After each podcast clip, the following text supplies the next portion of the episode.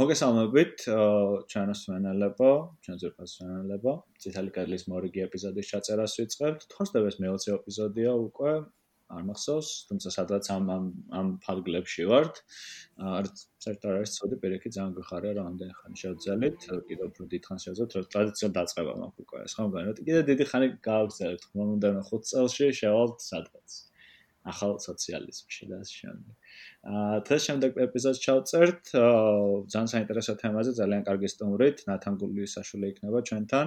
ნათან გამარჯობა, როგორ ხარ? აა გამარჯობა, მადლობა. აა გულიაშვილი. გულიაშვილი, ბოდიში. ხელა ხელა გამეორებ. არა, არა, ხუმრობ რა თქმა უნდა, ძალიან ესეთი ნიშანდობლივია, რომ ჩემი სახელი და გვარი ხშირად იწოვს მე რაღაც გაუგებრობებს და რაღაც იდენტურ ბატონო? სახელი არ შემეშალა რაც თავი ზუსტად გამა ნათანი ჩვენ ჩვენ ძანძვალი მეგობარია აა გამოცდილი მებრძოლი მარცხენა ფლანგიდან queer მარცხენა ფლანგიდან და დღესაც ჩვენი საუბარი დღეს ბევრ ამას შევეხებთ საერთო ჯამში მაგრამ ნუ ბოლო პერიოდში აქტუალური გახდა იდენტობის პოლიტიკაზე საუბარი მე იდენტობის პოლიტიკის კრიტიკაზე საუბარი ჩვენც მედიცინასაც ბევრს ლაპარაკობთ ამაზე, რომ მემარცხენე პოზიციიდან იდენტობის პოლიტიკის კრიტიკას სიმართლე გითხრათ, საერთოდ არ არის რთული, ეს რთული თეორიული მოცემულობა ნამდვილად არ არის. მაგრამ როგორც აღმოჩნდა, მაინც გახდა მაინც გაუჭirdათ უბრალოდ იდენტობის პოლიტიკის ისე გაკრიტიკება ადამიანებს, რომ რაღაც კონკრეტულ პრობლემა არ ყოფილიყო ეს გადაკეტილი, გადაკეტილი ბოდიში. აა ნათასაც ვაპარაკეთ მანამდე ამ პროცესებშიც შეიძლება თქვა და კომუნიკაცია და ვფიქრობ რომ ძალიან კარგი იქნება ვისაუბროთ ამ თემაზე, ვისაუბროთ იდენტობის პოლიტიკაზე, აა ვისაუბროთ არა მარტო იდენტობის პოლიტიკაზე, არამედ მის მემარცხენე კრიტიკაზე, ვისაუბროთ რა თქმა უნდა queer ჯგუფის და queer ადამიანების როლზე მემარცხენე აქტივში, რაც არის დაუსრულებელი თემა და აა ეს ახლანდელმა ქართულმა მემარცხენეებმა კარგად უნდა იცოდნენ, ვფიქრობ. დავიწყოთ საუბარი ამ ყველაფერზე. მოდით და ამ ჩვენი პოდკასტით იმედია, რომ დასაწყისი იქნება ამ დისკუსიის უფრო მეტად და ბევრ სხვადასხვა სივრცეში გაგრძელდება. ნათან, პირველ რიგში მოდი შენ გადმოგცემთ სიტყვას ამ ყოველ პერიოდის ამბებზე. მოდი ბევრი არ ვილაპარაკოთ, იმიტომ რომ კონკრეტულ რაღაცაზე არ ჩავ არ ვიყოთ კონცენტრირებული, მაგრამ უფრო აი როგორ რაღაც როგორი შეკითხვით გადმოვალთ, იცი რომ აი დავიწყოთ საუბარი იმაზე მემარცხენე პოზიცია იდენტობის პოლიტიკის მიმართ როგორი შეიძლება იყოს რა არის ახლა აქტუალური თეორიული ჩარჩოები, რა არის ახლა აქტუალური თეორიული დისკურსები და რა არის ასე ვთქვათ პატარა ესეთ პოინტები, როგორ შეგვიძლია რომ გავაკრიტიკოთ ეს მიმართულება აზრის ისე რომ არ გამოვიდეთ რაღაც კონკრეტულ წითელ ხაზებზე. აა მადლობა დავით გიორგი, კიდევ ერთხელ მოგესალმებით და პირველ რიგში აუცილებლად უნდა აღნიშნო, რომ ძალიან საჭირო და აუცილებელი აღმოჩნდა ეს ფორმატი, რომელიც შემოგთავაზეთ და ძალიან ნიშანდობლივია ის, რომ ფაქტობრივად ყველა საკითხი, რაზეც თქვა წინა პოდკასტებშიც შეეხეთ, არის საკითხები, რომელიც რომელთა შესახებ, თქვათ, რაღაც ფართო საზოგადოებას ელაპარაკება პოლიტიკოსები, მედია, რაღაც რაღაც პოლიტიკური ინტერესთა ჯგუფები და მეორე მხრივ, რაღაც შეიძლება სოციალურ მედიის სივრცე, Facebook-ის სივრცე, რომელზეც შეიძლება ქონდა 10 წლის წინ რაღაც ილუზია, რომ ეს იქნებოდა ესეთი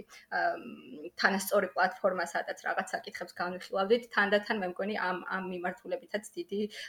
იმედგაცრუება შეიძლება შეინიშნება. ყოველ შემთხვევაში ეს სივრცე ნამდვილად არ არის ის სადაც შეიძლება წავმართოთ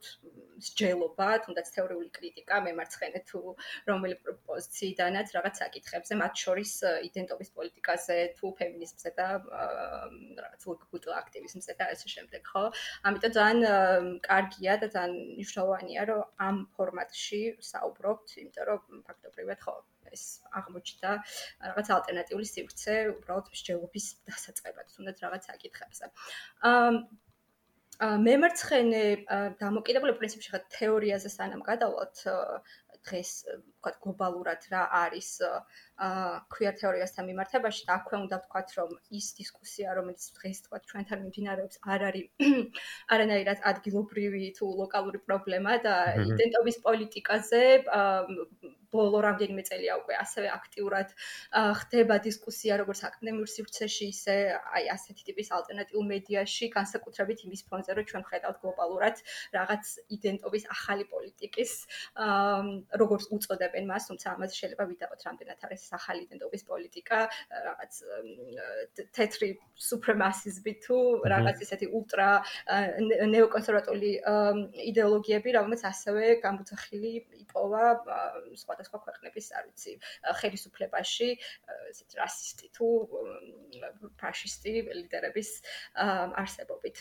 აა ხო, საქართველოს ხო იმის თქმა მინდოდა რომ სანამ ამ გლობალურზე გადავალთ, ძალიან მნიშვნელოვანია თქვათ დღეს საქართველოში აი ეს მემარცხენე ჯგუფები, რომელიც ჩემთვის ასევე ცოტა აა პრობლემურია, კონკრეტულად მოვნიშნო, ვინ არიან, ცოტა მიჭირს, იმიტომ რომ მიხედავთ იმისა, რომ არსებობს ამ მიმართულებით რაღაც ნაბიჯები, ესე ფორმალიზებული ან თუნდაც რაღაც ორგანიზებული მემარცხენე ჯგუფი არ აყვარს, თუმცა ნუ მაინც ვთქვათ, რომ თუნდაც ის მსჯელობა, რაც სოციალურ მედიის საშუალებით ხდება, კრიტიკა იდენტობის პოლიტიკის, აა შეინიშნება ესეთი ტენდენცია, რომ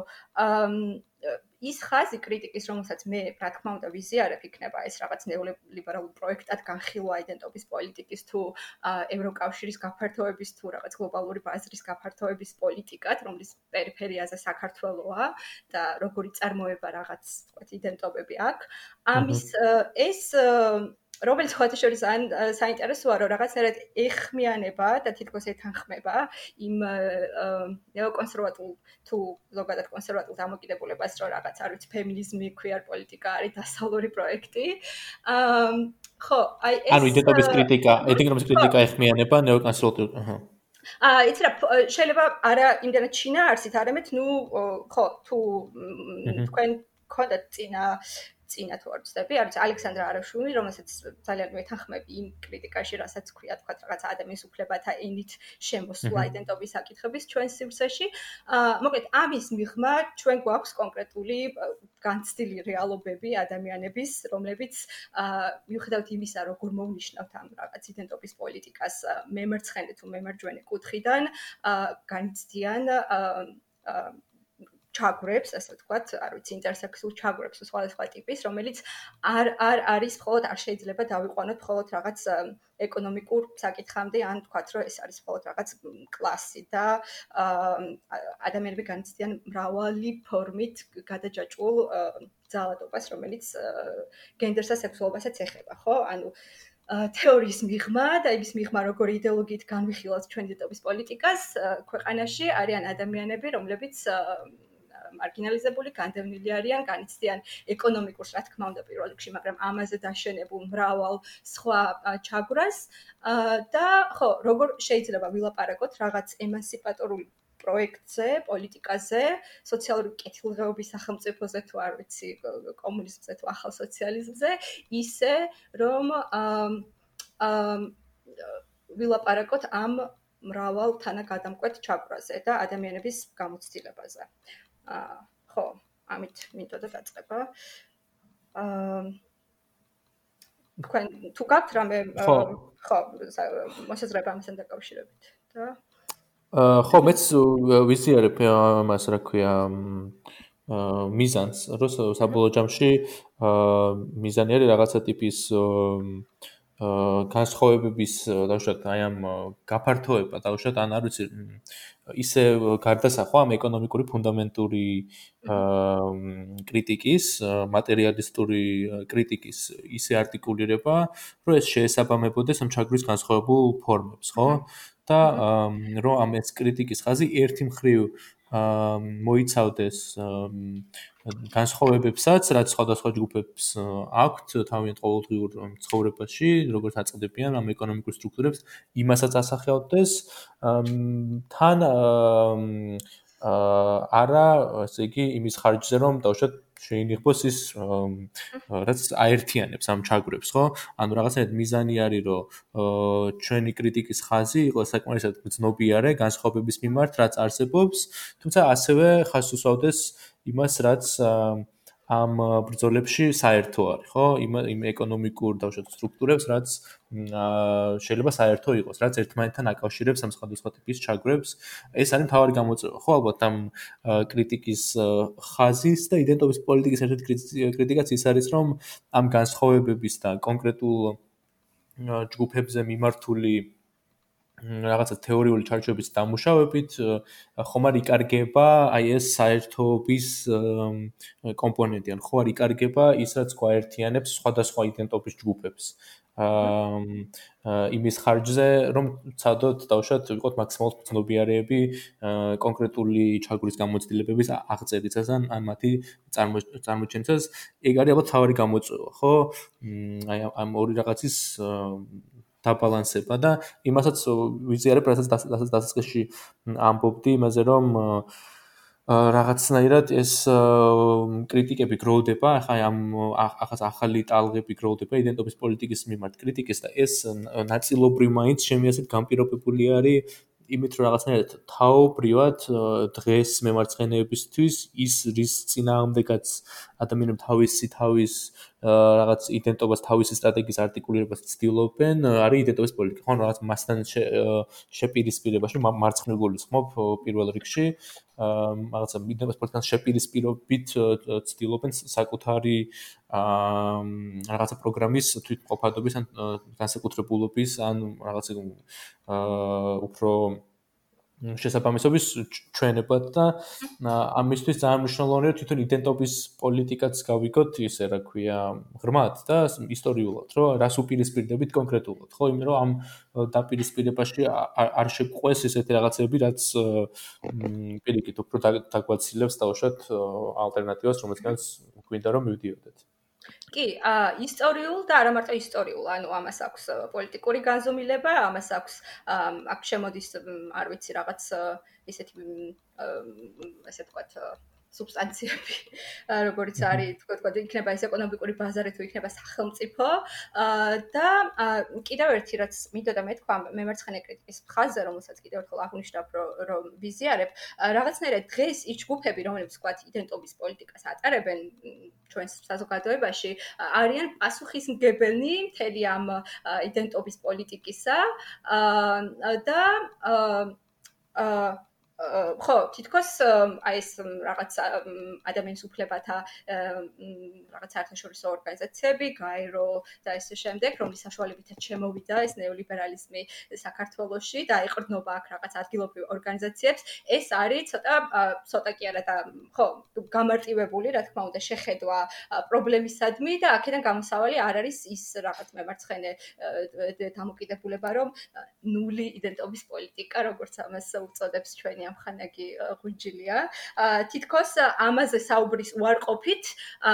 გადაწყდება პრობლემა და პრობლემა აღარ არსებობს დაკავშირებული რაღაც სხვადასხვა ჩაგვრებთან. რა ხო, გეთანხმები იმაში, რომ სწორედ არ უნდა გადავაყოლოთ ამ კრიტიკას რაღაც ნაბანწყალს ბავშვი. ხო, რომელიც არის რეალური პრობლემა ქვეყანაში და კაი გამოთქმა არის, არ გამიგია, აი გამოთქმა არ გამიგია, რაღაცა კაი გამოთქმა არის. ეს კი, ჩემი ჩემ ფავორიტი გამოთქმა, რომელიც პრინციპში არ არის რაღაც ქართული, მე მგონი ინფლუენსერს შემხვედრია რა და კი ძალიან კარგად გამოხატავს მეგონი მას რისი თქმაც მინდოდა. აა და მეორე მხრივ ის რომ ეს იდენტობის პოლიტიკა თავის მხრივ არც საქართველოსში და არც არსად არ არის ნაწარმოები მხოლოდ რაღაც ამ NGO-ების მიერ, ხო? ძალიან საინტერესოა საქართველოსში 90-იანი წლების შემდეგ, როცა რაღაც არ ვიცი, ახალი ეროვნული იდენტობები იწერება და ახალი ისტორია იწერება, აა იმ რაღაც უკანასკნელ 10 წლეულამდე, როცა ჩვენ შეგვიძლია ვთქვათ, რომ რაღაც queer ან ფემინისტური ჯგუფები გამოდიან საჯარო სივრცეში, რაღაც ხილვადობის პოლიტიკის განსახორციელებლად, როგორც ამას დღეს უწოდებთ, ამას წინ უძღვის სერიოზული სამზადებელი სამუშაოები რაღაც პოლიტიკური ჯგუფებისგან, რელიგიური ჯგუფებისგან და ნუ მათი თქვა რაღაც ინტერესის გამტარი მედიისგან, რომლებიც იდენტობის პოლიტიკას, რომელიც იდენტობის პოლიტიკა იქამდე შემოიტანეს რაღაც ეროვნული განხილვის საგნად, სანამ ეს სანამ ამ საკითხებს დასვამდნენ რაღაც გენდერული იდენტობის თუ აი ჩვენთან ჩვენ ჩვენთან არის ხო საუბარი? კი, კი, საქართველოში ეს ძალიან საინტერესოა, რომ 2000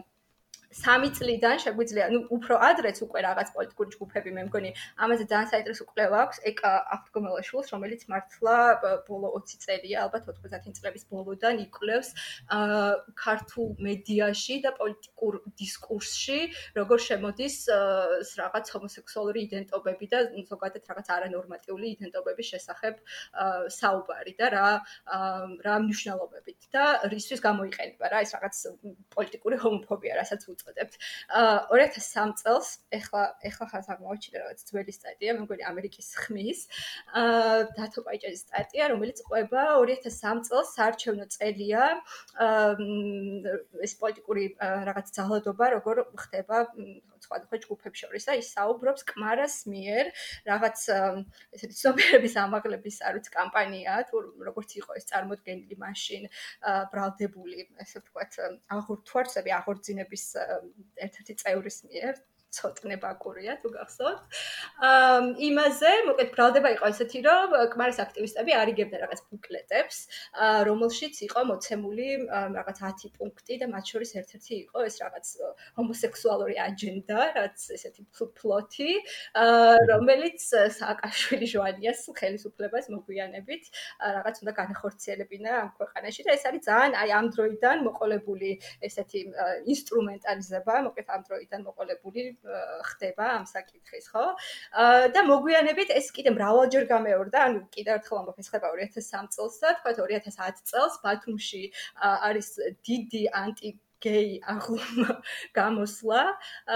სადაც თითქოს რაღაც მედიაში თუ რაღაც პოლიტიკოსების მიერ როგორც გაიყვა მოგვიანებით დაიწყო აგორდა ის ჭორი რომ იგეგმება თბილისში თუ ბათუმში თუ ორივეგან რაღაც გეი აღლუმი რომლის წინააღმდეგაც გამოდის ხალხი და ამას ისევ აცხადებს რაღაც სააკაშვილის ხელისუფლების პროექტად რა ეს აი ამ ასეთი პოლიტიზება ამ საკითხის რომელიც რა თქმა უნდა დღემდე მოყვება და დღეს თუ რაღაც რაღაცების იბრძვის ქვია თემი რომლის ხმაც თქვათ ძალიან სუსტად ისმის სწორედ ამ პოლიტიკური ინსტრუმენტალიზების და მუდმივი სპეკულაციების გამო რაც მუდმივად ერთვება და თვითონ განსაზღვრავს იდენტობის პოლიტიკის დღის წესრიგსაც შეიძლება ითქვას ჩვენთან. აა ხო აი ასეთი დიდი გამოცდილება აქვს ამას და რის კენაც ბრძოლა უწევთ ვთქვათ, რაღაც ქვია აქტივისტებს არის სწორედ ერთ-ერთი ეს რაღაც გამოცდილება ამ საკითხის, ამ რაღაც პოლიტიკური სპეკულაციისგან, რომ ეს არის ან რაღაც დასავლური პროექტი, ან მიშას პროექტი, ან ხო, რაღაც სხვადასხვა ბრალდებები რა, რაც მოემართება. აა ხო, ეს საკითხი შეეხება ჩემი აზრით და ამაზე მოდი ცოტა ხანი შევჩერდეთ. კარგი, ეს ინსტრუმენტალიზაციას, ხომ? აა არა იდენტობ იდენტობის პოლიტიკის მოდეს შევეცდები ჩამოვაყალიბო იდენტობის პოლიტიკა პერიოდულად წლების განმავლობაში ჩამოყალიბდა ინსტრუმენტალიზაციის ინსტრუმენტად არა? ანუ საშუალებად რომ ადამიანების იდენტობა გამოყენებული იქნას გარკვეული პოლიტიკური მოცემულობის შესაქმნელად, ამ პოლიტიკური დაძაბულობის შესაქმნელად, რომელიც რეალურად საბოლოო ჯამში არც ერთ ჩაგრულ ჯგუფს საზოგადოების ეს იქნება ჩაგრული ზუსტად იდენტობის ან თუნდაც ეთნიკური ან თუნდაც ყველაზე უმნიშვნელოვანესი რაც რაც ყველა ჩაგვრას აერთიანებს საერთოდ სოციალურ ჩაგვრას ხომ? და კლასობრივ ჩაგვრას შევეხები ამ შემთხვევაში ხო? ამ ყველაფერს აცლის ასე ვთქვათ კლასობრივ კონტექსტს და ცდილობს რომ მოახდინოს ლოკალიზება და ლოკალიზება მოახდინოს გარკვეული პოლიტიკური ინსტრუმენტიდან გამომდინარე იქიდან იმის მიხედვით თუ რომელი ეიჯენდა როგორ ასე ვთქვათ პოზიციონირებს და და ამ შემთხვევაში ძირთადად გამოიყენება მხოლოდ და მხოლოდ ან ასე ვთქვათ ან ან ან ასე ვთქვათ კვაზი გლობალურობის შესაქმნელად რასაც იყენებს თუნდაც ევროპული საქართველოს და წეჯო მანტრები და ასე შემდეგ ხომ? და მეორე მხრივ იდენტობის პოლიტიკას იყენებს კონსერვატიული ჯგუფი იმ აგრესიის და ზიზღის შესაქმნელად რომელიც საბოლოო ჯამში სადამდე მიდის ხომ? ანუ ყოფს და თიშავს საერთო ბრძოლაში ჩართულ და ადამიანებს მოლებიც საერთო ბრძოლაში უნდა იყვნენ ჩართული რაღაც დიდი ჩაგვრითი აპარატის წინააღმდეგ ერთმანეთისგან, ხომ? აი ეს ინსტრუმენტალიზაციაც არ არის, ხომ? ეს ქართული ფენომენია. ჩვენ არ ვართ მხოლოდ და მხოლოდ ამ პრობლემის წინაშე, არა? ანუ აა თავიდან ბოლომდე დღეს მე რასაც ვაკვირდები ხოლმე აა ძალიან რთულია ამ კრიტიკაში, კონტრკრიტიკაში და თუნდაც რომელიმე მხარეს მაინც დაინახო საბოლოო ჯამში პოზიცია რომელიც გამაერთიანებელი არის ბევრი ბრძოლის და რომელიც უნდა იდენტობის საკითხს ხედავს იმ საერთო ბრძოლაში სუპერ ჩაგვრის სუპერსტრუქტურის წინააღმდეგ რომელსაც აქვს რაღაც კონკრეტული სათავეები. ხო თუნდაც ჩვენ ბევრჯერ ვახსენეთ ნეოლიბერალი ნეოლიბერალური სათავე ნეოკონსერვატიული სათავე. ეს სათავეები რომლებიც საბოლოო ჯამში ემსახურებიან მხოლოდ ერთ რამეს ხომ? რომ ანუ ჰეგემონური ძალა რომელიც ახლა არის დომინაციაში რაც შეიძლება დიდი ხანი იყოს დომინაციაში რა ან მეორე ძალა რომელსაც უნდა რა თავად გახდეს ამ დომინაციაში რა. როცა შენ საუბრობ და რა გეთანხმები რომ ეს ორი რაღაც ძალა რაღაც ინტერესის გამტარი ნეოლიბერალური თუ ნეოკონსერვატული ეჯახება და იყენებს ამ საკითხს იდენტობის საკითხს თავისი იდეოლოგიის გასატარებლად, აი ამ იდეოლოგიის შუქში გასატარებლად, რეალურად არც ერთი მათგანი არ გვთავაზობს რა თქმა უნდა რაღაც განმათავისუფლებელ ემანსიპატორულ პროექტს, სწორედ იმის გამო რომ ისინი ან იბრძვიან ან აა იმ ჰეგემონური მდგომარეობის შესანარჩუნებლად, რომელიც აქვთ, ან ცდილობენ ამის დაპატრონებას და აქაც გვაქვს ეს რაღაც ბდუალობა და არა ისე რაღაც მცდელობა სხვადასხვა ჩაგვრების გაერთიანების და რაღაც ხო კრიტიკის მიმართვის აა ასე ვთქვათ, თავარი სუპერ აა ჩაგვრის სტრუქტურისკენ თუ როგორც უწოდე, ხო. აა ამაზე მინდა ესეთი კითხვა დავსვა აი ამ ჰეგემონიაზე რომ აი დავუშვათ დასავლეთში ხო? ახლა და რომ დაუბრუნდეთ იმ საკითხს რასაც რაც თავიდანაც ახსენე იმაზე რომ დავუშვათ კრიტიკა ახლა შემთხვევაში არის ნასესხები ხო? ანუ თვითონ ჯერ ხო იდენტობის პოლიტიკა ხო მე ხშირ შემთხვევაში ჩვენარი ქვეყნებში რაღაცა დასავლეთიდან ნასესხები და მე თვითონ კრიტიკაც ნასესხები არის და თვითონ ის რა ქვია ციფრული ფორმები ურთიერთობის მათ შორის უწყობს ხელს ამ სესხებას, ხო, რაღაც სოციალური ქსელები და ასე შემდეგ. ამაზე აი რო გამოუძვრეთ აქედან ამ ნასესხებულობიდან და რაღაცნაირად რაღაც ჩვენ კონტექსტზე რო დავსვათ კითხვები, პირველი კითხვა, აი რაც მექნებოდა ამაზე, იქნება ის, რომ აი რამდენად შეგვიძლია ჩვენთან ლაპარაკი იმაზე, რომ არსებობს ჰეგემონიური ლიბერალიზმი, რომელიც დგას იდენტობის პოლიტიკაზე, ან რომელიც საუბრობს იდენტობის პოლიტიკის ენაზე, ხო? აი დასავლეთში დავშოთ იქ ამერიკის შეერთებულ შტატებში, საკმაოდ ცხადი და აშკარა არის, რომ იქ არის რაღაცა ტიპის ჰეგემონია, მათ შორის ლიბერალური ჰეგემონია, რომელიც აშკარად დაუფარავად აფერხებს მოძრაობას მარცხნივ. აიგივე ამის მაგალითი შეიძლება იყოს ჰილარი კლინტონის კამპანია, ხო და თვითონ დემოკრატიული პარტია, რომელიც არის ორი ძირითადი პარტიიდან ერთ-ერთი და დიდწილად განსაზღვრავს პოლიტიკურ პროცესებს ქვეყანაში. ის საუბრობს ექსკლუზიურად იდენტობის პოლიტიკის ენაზე და იქ აბსოლუტურად ჰეგემონიურია, უკვე 10 წლეულებია ეს გრძელდება და აშკარა არის, რომ აფერხებს სხვა ტიპის კრიტიკების გაჩენას, რაც კონკრეტულად ჩანს ხოლმე, მაგალითად, მათ დამოკიდებულებაში იგივე აი ბერნის ფლანგის მემარცხენეობასთან, ან კიდევ უფრო რადიკალური ტიპის მემარცხენეობასთან, რომელიც მუდმივად, ესე იგი, მასთან ჭიდულში არიან. აი ჩვენთან რამდენად ადეკვატური არის დაუშვათ იმის თქმა, რომ ჩვენთანაც გვაქვს ახლა რაღაცა ტიპის ლიბერალური იდენტობის პოლიტიკაზე დაშენებული ჰეგემონია, რომელიც აფერხებს დაუშვათ კლასობრივ პოლიტიკას. არის რაღაც არგუმენტები, რომ რაღაცა სივრცეები აქვს დაკავებული იდენტობის პოლიტიკას, იგივე NGO სივრცეები, მედია სივრცეების რაღაცა ნაწილი, ლიბერალური მედიების ნაწილი. შეიძლება მართლა ხო, ანუ ამ იმასაც ხედავ, რომ რაღაცა სივრცეებში არის ამ ტიპის ამაზე მოლაპარაკე რაღაც ტიპის ჰეგემონია, მაგრამ აი თლიანად ქვეყნის დონეზე რამდენ რამდენად შეიძლება უშოთ მსგავსი მასშტაბის ჰეგემონიურობაზე ვილაპარაკოთ იდენტობის პოლიტიკაზე, რომელიც გაამართლებდა მე იდენტობის პოლიტიკის კრიტიკაზე ძალიან ბევრი დროის ხარჯვას და რაღაც პოლიტიკური პროექტის ნაწილად წარმოადგენს ამ იდენტობის პოლიტიკის დამარცხების. ორივე ორივესგან საინტერესო იქნება ამის მოსმენა. აა ხო, ძალიან კარგი და ესეთი ფართო საკითხია და აა შენ ახან ახსენე უკვე მაინც დასავლეთ ისე ამერიკის გამოცდილება. ეს თავიდანაც მინდოდა სადღაც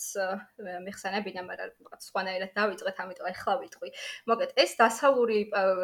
თქვათ ტრადიცია თქვათ საიდანაც იწყება ეს იდენტობის პოლიტიკა და საერთოდ ძალიან საინტერესოა რომ იდენტობის პოლიტიკა როგორც ესეთი რაც გონია თუნდაც იდენტობა რომელიც თითქოს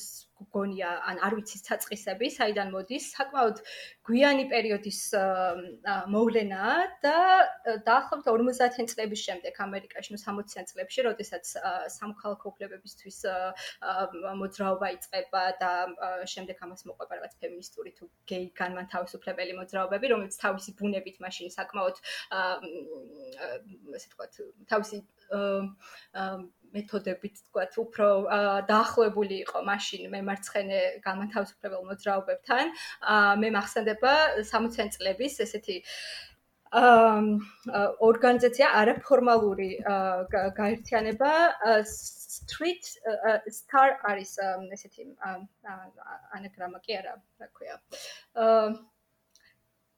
აა დამოვიწყე ტერმინი პირველი ასე აბრევიატურა თუ? აბრევიატურა street transvestite aliens რაღაც რა რომელიც იყო ესეთი სოციალისტი ნუ ისინი ასე წარადგენდნენ თავეთ პოლიტიკას ტრანსგენდერები რომლებმაც დაიკავეს ნიუ-იორკში რაღაც საკრებულოს თუ მერის შენობა დიდი ხნის განმავლობაში და ისინი ითხოვდნენ რაღაც ახალი საბინაო პოლიტიკის წარმოებას რომელიც არა მხოლოდ თქვა ტრანსგენდერებისთვის ზოგადად მაშინ ქალაქში უსახკარო ადამიანებისთვის რაღაც ახალ პოლიტიკას აწარმოებდა რა. აი ასეთი იყო მაშინ მაშინდელ ამერიკაში ეს იდენტობის პოლიტიკის პროექტები და შეგვიძლია გავიხსენოთ სხვა უამრავი ჯგუფი, როგორც იყო თქვა ქალთა მოძრაობას გამოყოფილი შავკანიანი ლესბოსელი ფემინისტების, რომლებიც ასევე რადიკალურად მემარცხენე ფრთიდან სახავდნენ რაღაც მაშინდელი შავკანიანი ქალების გამოცდილებას, რომელიც საერთოდ დაკარგული იყო იმ თუნდაც დომინანტურ იდენტობის პოლიტიკაში, რომელსაც თქვა თეთკანიანი ქალთა მოძრაობა თუ თეთკანიანი გეი განმათავისუფლებელი მოძრაობა აწარმოებდა და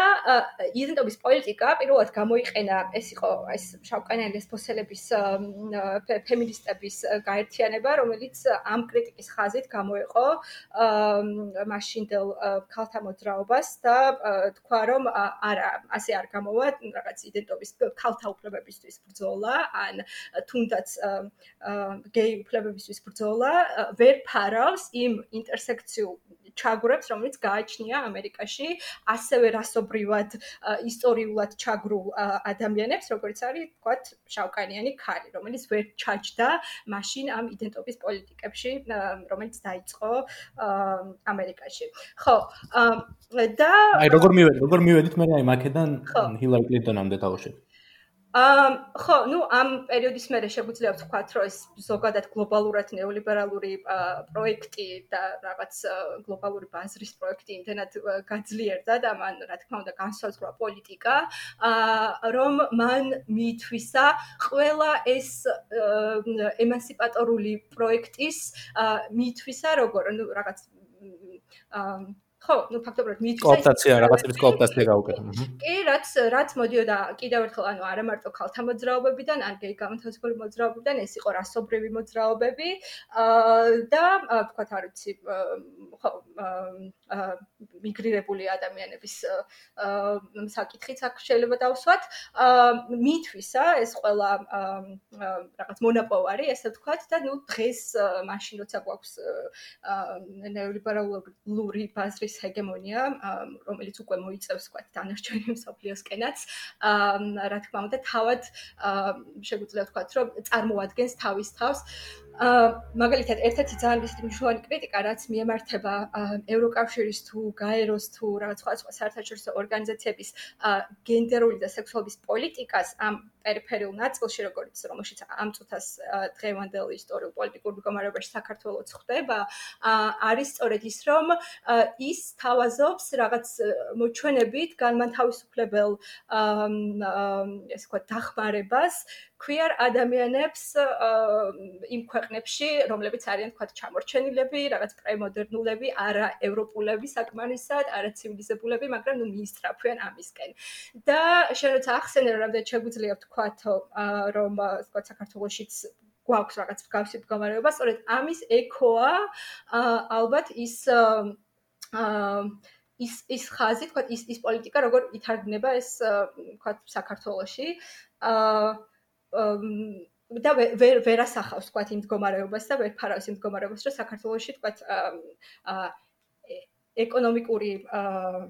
თქვა მდგომარეობა ის ჩაგვრები რაც თქვა რასაც საზოგადოების ბევრი ჯგუფები აა ბევრ ჯგუფებს ეხება რომლებიც ვერ ხვდებიან ამ იდენტობის პოლიტიკებში იქნება ეს თქვა ეთნიკური უმცირესობები თუ თუმცა შეგვიძლია თქვა რომ ამ ეთნიკური უმცირესობების რაღაც გაერთიანებაც უკვე იდენტობის პოლიტიკის წარმოებაა მაგრამ ბევრი სხვა სოციალურად და ეკონომიკურად გარიყული ადამიანების აა თქვა საჭიროებებს და წუხილებს ვერ ასახავს სინამდვილეში ეს ასევე ეხება იმ ადამიანებს, იმ არანორმატულ ადამიანებს და ეხება ორ მხრივად და სამ მხრივად, რომლებიც არიან თქვათ, არ ვიცი, ეკონომიკურად გაჭრობილი ოჯახებიდან, ან განდევნილები საკუთარი ოჯახიდან, უახლოესი მხარდამჭერი წრიდან, ისინი სახელმწიფოს მხრიდან არიან სამართლებრივი თუ სხვა საშუალებებით რეპრესირებულნი, ისინი ვერ იღებენ განათლებას, ვერ საქმდებიან და ასე შემდეგ. და შესაბამისად დღეს იმ კრიტიკის წარმოება, რომ ჩვენ უნდა დავივიწყოთ აა ანუ მემარცხენე მხრიდან რა კრიტიკაც მოდის ხო ამ პედაგოგის პოლიტიკასთან დაკავშირებით რომ ჩვენ უნდა დავივიწყოთ ეს ეს ყველაფერი და არ ვილაპარაკოთ ამაზე და უბრალოდ კონცენტრირდეთ მარტო რაღაც არ ვიცი მუშების პრობლემებზე ვერ ვერ ვერ ფარავს მოკლედ ამ პრობლემებზე საუბარს. და ძებნაც ალბათ ამ მიმართულებით ჯერ წარმატებულად ვერ მიმდინარეობს, როგორ შეიძლება დავფაროთ და გავაერთიანოთ ეს ჩაგვრის რაღაც სხვადასხვა კონფიგურაციით გამოწვეული თქვათ გარიყულობა ჩვენს საზოგადოებაში სხვადასხვა ჯგუფების და როგორ შეიძლება გავაერთიანოთ და ის რაც თქვათ აი 60-იანი წლების ამერიკაში რა მაგალითიც მოვიყვანი ამ Star Alliance-ის მაგალითით როგორ შეიძლება ის დღეს საქართველოში განხორციელდეს ხო? არ ვიცი მაგალითად ტრანსგენდერი ადამიანები რომელიც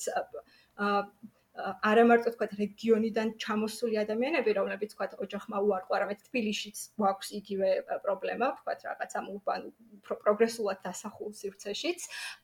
რომელიც განდევნილი არიან და ძალიან წვავეთ თქვა უსახკარობის პრობლემა, ეხლა რომ მაგარაფერი თქვა კონკრეტულად პანდემიის დროს რა საჭიროებით გამოიკვეთა, როგორ შეიძლება ეს ჯგუფი ითხოვდეს რაღაც სხვა სოციალურ ჯგუფთან, რომელიც სულად გათიშულები არიან ერთმანეთისგან, მაგალითად ეს შეიძლება იყოს აა იძულებით გადაადგილებული ადამიანები ხო საქართველოსში რომელთა მიმართაც ასევე სახელმწიფომ ვერ შეიმუშავა ზოგადად რაღაც საბინაო პოლიტიკა და ვერ ვერ გადაჭრა ხო?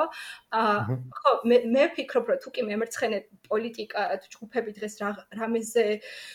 უნდა ფიქრობდნენ უკვე უფრო თქვა აქტიურად გარდა იმისა რომ თქვა ეს კრიტიკის ხაზი გასაგებია გაატარონ იდენტობის პოლიტიკასთან დაკავშირებით, მე მგონი ძალიან მნიშვნელოვანია დავიწყოთ ფიქრი, როგორ შეიძლება აი იმ პოლიტიკის შექმნისკენ ვიაროთ, რაც აი ამ ამ საკითხებს სხვადასხვა საზოგადოებრივი ჯგუფების თუ იდენტობა, სხვადასხვა იდენტობებად მონიშნული ჯგუფების საჭიროებებს ერთად დასვამდა. ხო, აი რაღაც ანუ საკუთაც საკმაოდ რთული არის, ხო? ანუ პირდაპირ თქვა რომ ანუ რთული ამბავი არის, ანუ ეს არის საუბარი რეალურად თელი ესე იგი რაღაც ამ რევოლუციური სუბიექტის ახლებურად დანახვაზე, იმგვარად დანახვაზე, რომ საერთოდ ეგეთი შეპირისპირება, რომ აი მუშა თუ ტრანსკერდერი, ხო? ხო თავისთავად აბსურდული არის, ანუ ტრანსკერდერი შეიძლება იყოს ისე რა ქვია, მუშა არ არის ეგა ერთ ერთ ურთიერთგამომრიცხავი კატეგორიები, ხო? ანუ რაღაცნაირად მივდივართ იქამდე, რომ საჭირო არის ესეთი იდენტობა, იგივე შრომელის იმგვარად დანახვა, რომელიც მოიცავს რაღაცა სხვა კატეგორიას. ანუ რაღაცნაირად გაფართო, რაღაცნაირად გასაფართოებელი არის აი ეს რევოლუციური სუბიექტი თუ თუ დასამიწებელი არის, თუ არ ვიცი ორივე ალბათ, რომ რაღაცნაირად ესეთი შეპირისპირებები საერთოდ აბსურდულად მოჩანდეს რა, რომ აი ხა მუშა თუ ტრანსგენდერი, ჰომოსექსუალი თუ ვიღაცა თვითასაქმებული თუ რაღაც ხო? ანუ რაც საკმაოდ ამბიციური ეს არის პროექტი არის ეს შინაარსობრივად მეორე რაც რაც ესე გაკვირთ ახსენეთ არის ეს ბრძოლის მეთოდები ხო? ანუ თვითონ არა დავშოთ მაინც და მაინც მხოლოდ შინაარსი დავშოთ იდენტობის პოლიტიკის დავშოთ ის ინტერსექციული შინაარსი არამედ თვითონ პოლიტიკური პროექტის ბუნება, ანუ როგორ წარმოუდგენ, როგორ როგორი მოჩანს თავშეთ იდენტობის პოლიტიკიდან აა გამოსავალის პოლიტიკურ თან ბრძოლის მეთოდების კუთხით, ხო? ანუ დღეს მივიღეთ მდგომარეობა, რომ პოლიტიკო იდენტობის პოლიტიკა აა ასოცირდება იდენტობის პოლიტიკის წარმოების რაღაც კონკრეტულ მეთოდებთან, ხო? როგორიც არის, არ ვიცი, იქ აა წარმოძნობიარება, მაგალითად ენის მიმართ, ხო? რომ ენა თვითონ კულტურული სივრცე თავისთავად ბრძოლის ველად არის ხო გადაქცეული და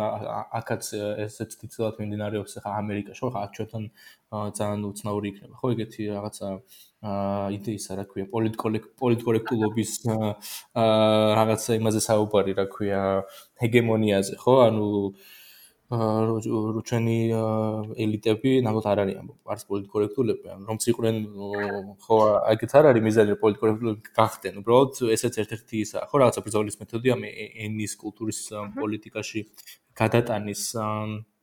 ბრძოლის რომელიც ასევე დასავლეთში იღებს სათავეს აქ სრულიად ის არის რა ქვია ნაცეცხებიანი მე მახსოვს ერთხელ რაღაცა ლექცია რაღაცა ლექციაზე მივედი იმაში თავის უნივერსიტეტში და იქ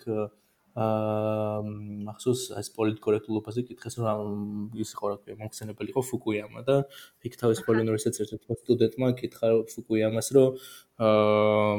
ბენ შაპიროს ასე იგი დაცენზურებაზე რა აზრის ხართო რა ანუ აი წარმოიდგინეთ ჩვენთან რომ ამაზე ღელავ ან ჩვენ როგორი ნასესხები ის არის რა ქვია წუხილი არის რომ აი ხა დღეს თბილისში რომ ღელავ იმაზე რომ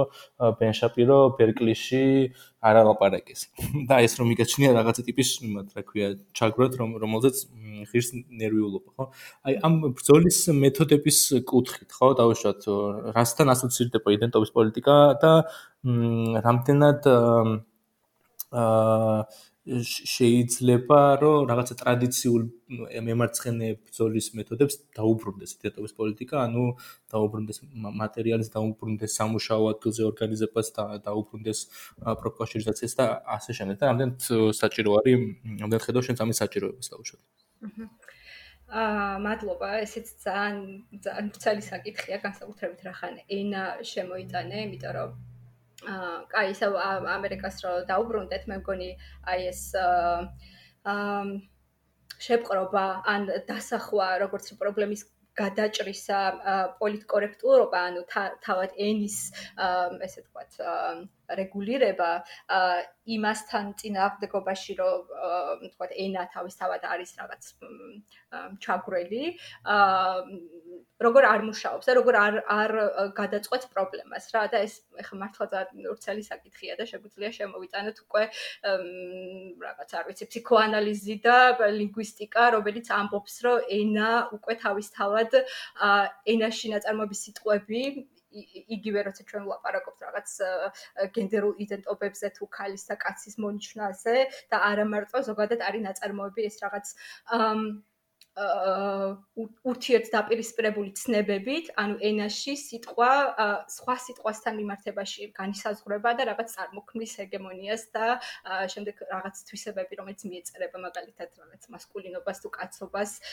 როგორ არის მასთან მიწებებული რაღაც სხვა თვისებები და ამის საწინააღმდეგოდ როგორ ინიშნება ქალობა თუ ქალურობა, ქალად ყოფნა, რომელსაც ასევე რაღაც ამის საპირისპირო თვისებები მიეწერება, ხო?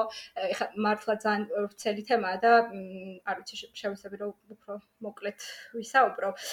აა ხო და ამან სხვათა შორის როდესაც საუბრობენ ან აკრიტიკებენ იდენტობის პოლიტიკას განსაკუთრებით სექსუალური იდენტობის თუ გენდერული იდენტობების ახალ პოლიტიკაში, რომელმაც წარმოქმნა ახალი სუბიექტები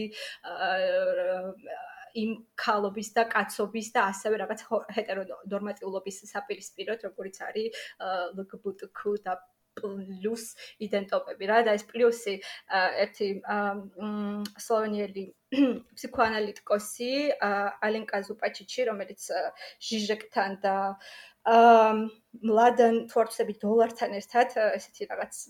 ძალიან კარგი საინტერესო სამება არის რომელიც ცდილობენ რაღაც ფსიქოანალიზში რაღაც კაპიტალიზმის ფსიქოანალიზ და ფსიქოანალიზის განხილვას და ხო სწორედ ამ რაღაც იმის ძიებას თუ როგორ შეიძლება რაღაც მემარცხენე პოლიტიკაში გადავიტანოთ ეს იდენტობები რა. ანუ რეალურად როგორ არ მუშაობს და არ წარმოქმნის პრობლემის გადაჭრას იგივე ჰომოფობიასთან თუ ტრანსფობიასთან დაკავშირებული პრობლემის გადაჭრას რაღაც ახალი იდენტობების შემოტანები რომელიც ზუსტად ისევე როგორც ის ბუნებრივად მოწოდებული ქალის და კაცის თუ ჰეტერო ადამიანის იდენტობები არის რაღაც კონსტრუირებული კონკრეტული ისტორიული ხდომილებების შედეგად ხო? აა ეხა ძალიან გადავხვია მე მგონი ხო? არა არა, აი მაგას კითხავდი, აი მაგის კითხვა მაქვს მეც რო ანუ აი ღირს აი შეძვამთ იმის გათვალისწინებით, რომ რაღაცნაირად აი ამ ამ რაღაც ახალი შობა მოიგონო 1000 ახალი კატეგორია და მე აღმოჩნდა რომ ეს 1000 ახალი კატეგორია ისეთი ექსკლუზიური არის როგორც ის რაღაცა საწყის სეტი რომელიც მანამდე ქონდა ხო? ასევე ის რომ რაღაცა დამრიგებლურ ურთიერთობაში შედიხარ. ხო ადამიანებთან როცა მათ ეუნები აა რა სიტყვებით არის რაღაცა საუბარი მართებული რა სიტყვებით არ არის მართებული ხო? ანუ ესეთი რაღაცებს ეუნებიან მხოლოდ რაღაც ბავშვებს ხო? რომ აი ეს ცუდი სიტყვები და კარგი სიტყვები. აი ღირს თუ არა აი ამაში აი ამაში დროის ხარჯვა არის თუ არა ამაში რაღაც ემანსიპატორული პოტენციალი იმის garaშე რომ ანუ იმის garaშე ეკონომიკური რაღაცა მატერიალისტური თამდევი ემანსიპატორული პროექტის garaშე. იმიტომ რომ დღეს ეგეთია, ხო, იდენტობის პოლიტიკა გეუბნება როგორი ლაპარაკო, აა თუმცა იმაზე პასუხისგებლობას არ იღებს, თავშოთ შენ ქშია თუ სამსახური გაქვს თუ არ გაქვს თუ ხვალინდელი დღის გეშენია თუ არა, ხო? ანუ ათიკოს ეს უფრო ნაკლებად აინტერესებს, ხო? ეხა იგივე დასავლეთში, ვიდრე ის შენ როგორ ლაპარაკობ, რა და შესაბამისად ამ დამრიგებლურ ესე იგი ტონს ცხადია რომ არ არის ისა რა ქვია ადამიანებისთვის აა რაღაცა ეს მიუღებელი არის და მის მიმართ ჩდება ანტაგონიზმი, ხო? ნაწილობრივ სამართლიანი ანტაგონიზმი. აი მაგის გათვალისწინებით, აი ღირს მაინც დაუშვათ ამ ამ ამ ველის შენარჩუნება, ამ ენის ველის შენარჩუნება, ამ კულტურული ომების წარმოება, თუ აი ჯობია რომ აი ამ ამ ძოლებში არ შევიდეთ, ან შევედით მინიმალურად, ან არ ვიცი, აი უშუალოდ პოლიტიკის წარმოება და შართ დავცალოთ მიზანმიმართულად და ესეც ცნობიერად აი ამ ამ ამ ველზე შესვლისგან. ანუ შეიძლება რომ აი ენის ბრძოლის ველზე შეხვიდე პროდუქტიულად, უფრო მეტი ადამიანის გაუცხოების garaშე და რაღაც საფოლო ჯამში რაღაც პოზიტიური მიღწევის იმითი რა ქვია თვალით. ხო, ანუ ენის ბრძოლის ველში ველიდან ისედაც ვერ გავალთ, ანუ ენა ენა არის ის რაც აწარმოებს აზროვნებას და ენა რომელიც შემდეგ ხდება როგორც სამართლის ენაში, მედიცინის ენაში, რომელიც თქვა იწვევს პათოლოგიზებას, კრიმინალიზებას, რაღაც იდენტობების, ესეც გრძელი საკითხია. მაგრამ ჩვენ უნდა დავრჩეთ კრიტიკულები, რა თქმა უნდა, ამ ენაში და კიდევ ერთხელ ვამბობ, ანუ ენას უბრალოდ ვერ ვერ უარყოფთ და ვერ ვიტყვით, რომ მოდი ახლა საერთოდ არ ვილაპარაკოთ იდენტობებზე, იმიტომ რომ ამ ენამ და შესაბამისად მე პოლიტიკამ, რომელმაც იაზროვნა ამ ენაზე, უკვე აწარმოა რაღაც ჩაგვრები, რომელსაც ასე უბრალოდ იმის თქვით რომ მოდი ჩვენ ახლა ამაზე აღარ ვილაპარაკოთ, არსად გაქრება. და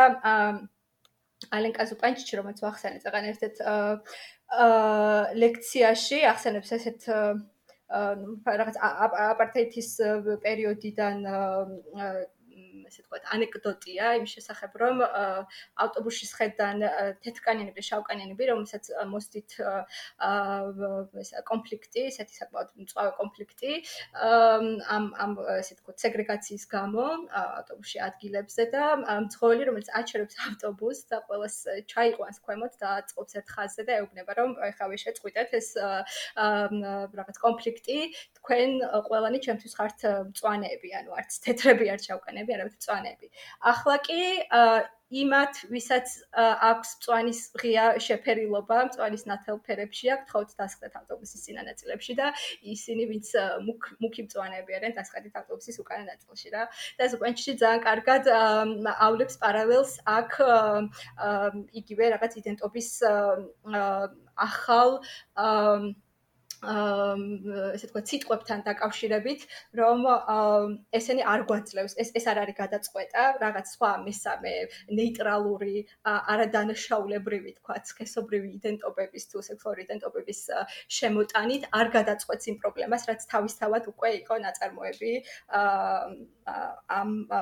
იდენტობებთან დაკავშირებით. ხო, ამდენად შენ გიორგი რევოლუციური სუბიექტი ახსენე და ეს ახალი რევოლუციური სუბიექტიც ალბათ უნდა მოინიშნოს სწორედ ამის განსაზღვრებით რომ ჩვენ დღეს უკვე არ ვიცი მარქსის მერე როცა გავიარეთ რაღაც სექსუალური იდენტობასთან დაკავშირებული თუ ორიენტაციებთან დაკავშირებული საკითხები თუნდაც სხვა დისციპლინებში როგორც არის ფსიქოანალიზი, მედიცინა და შემდეგ რაღაც ისტორიული მოვლენებსაც გადავავლეთ თვალი თუ როგორ იწარმოებოდა ეს რაღაც იდენტობები და შემდეგ ერთი იდენტობის ჰეგემონია მეორეზე. აა ხო, ანუ შეუძლებელია მოვნიშნოთ ეს რევოლუციური სუბიექტი, რომელსაც აქვს მხოლოდ ერთი იდენტობა, რაღაც არ ვიცი, მუშა. და ვთქვათ, რომ ეს არის რაღაც ესეთი ესეთი კვლავ ერთსახოვანი დაპირისპირება, რაღაც არ ვიცი, პროლეტარიატთან თუ პროლეტარიატსა და ბურჟუა კლასს შორის რა, იმიტომ რომ ამ პროლეტარიატში არიან სხვა შემოდის უკვე სხვა იდენტობები, იქნება ეს ქალად მონიშნული სხეულების იდენტობა თუ არა ნორმატიული სექსუალობის მქონე სხეულების იდენტობა, რომლებიც ისტორიულად იყვნენ კრიმინალიზებული, ჩაგრული და ნუ ეხლა ვთქვათ სილვა ფედერიჩი რომელიც ასევე ახსენეთ წინა შეხვედრაზე და მართლა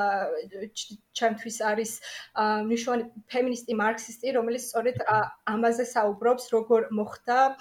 პრეკაპიტალისტურ პერიოდში რაღაც 2-3 საუკუნის განმავლობაში ის რაც დღეს ჩვენთვის ცნობილია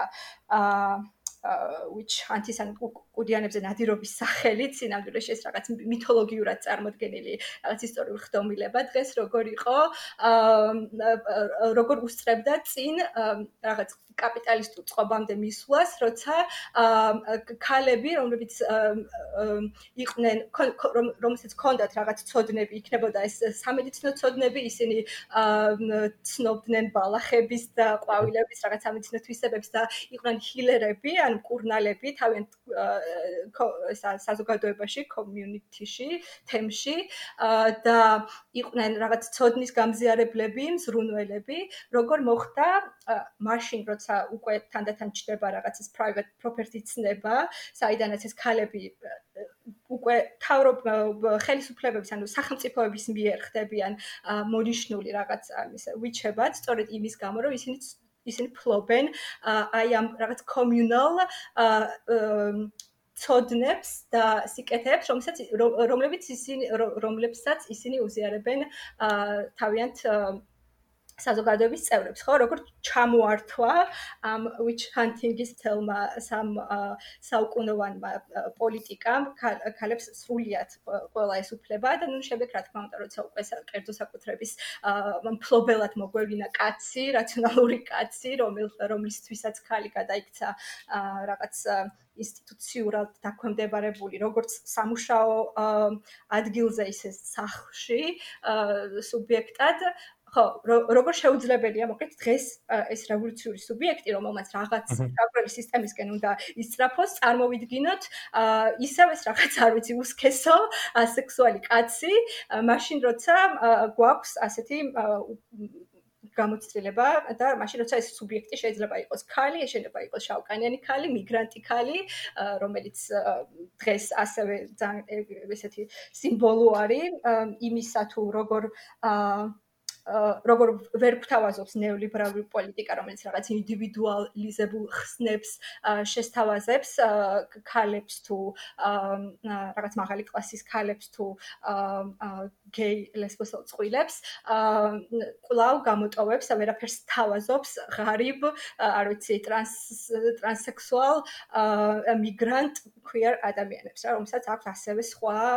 რელიგიური თუ ეთნიკური იდენტობები და არიან კვლავ საკვლავ ყველაზე აა განდევნილები და ყველაზე მეტად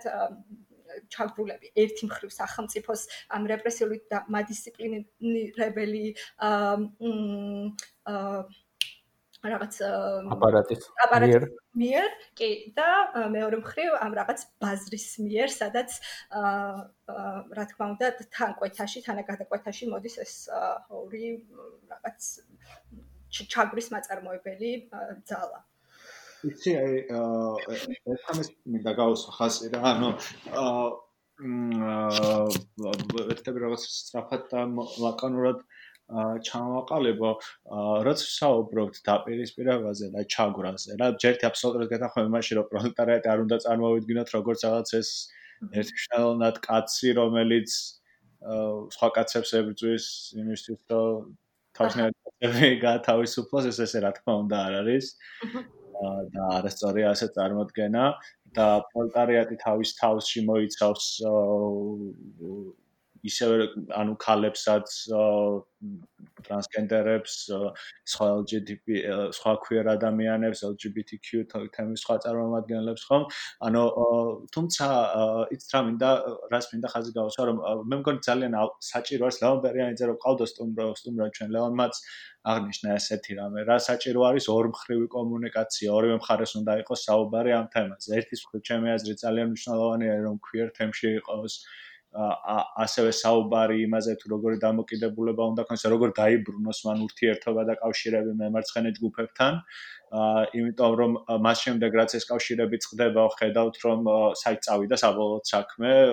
ჰილარი კლინტონამდე, ხომ? აა და მეორე არის რომ აუცილებლად უნდა იყოს მემარცხენე ჯგუფებში ასევე საუბარი იმაზე თუ რა მოხდა, როგორ როდის გაწყდა კავშირი queer თემთან და როგორ უნდა აღვადგინოთ ეს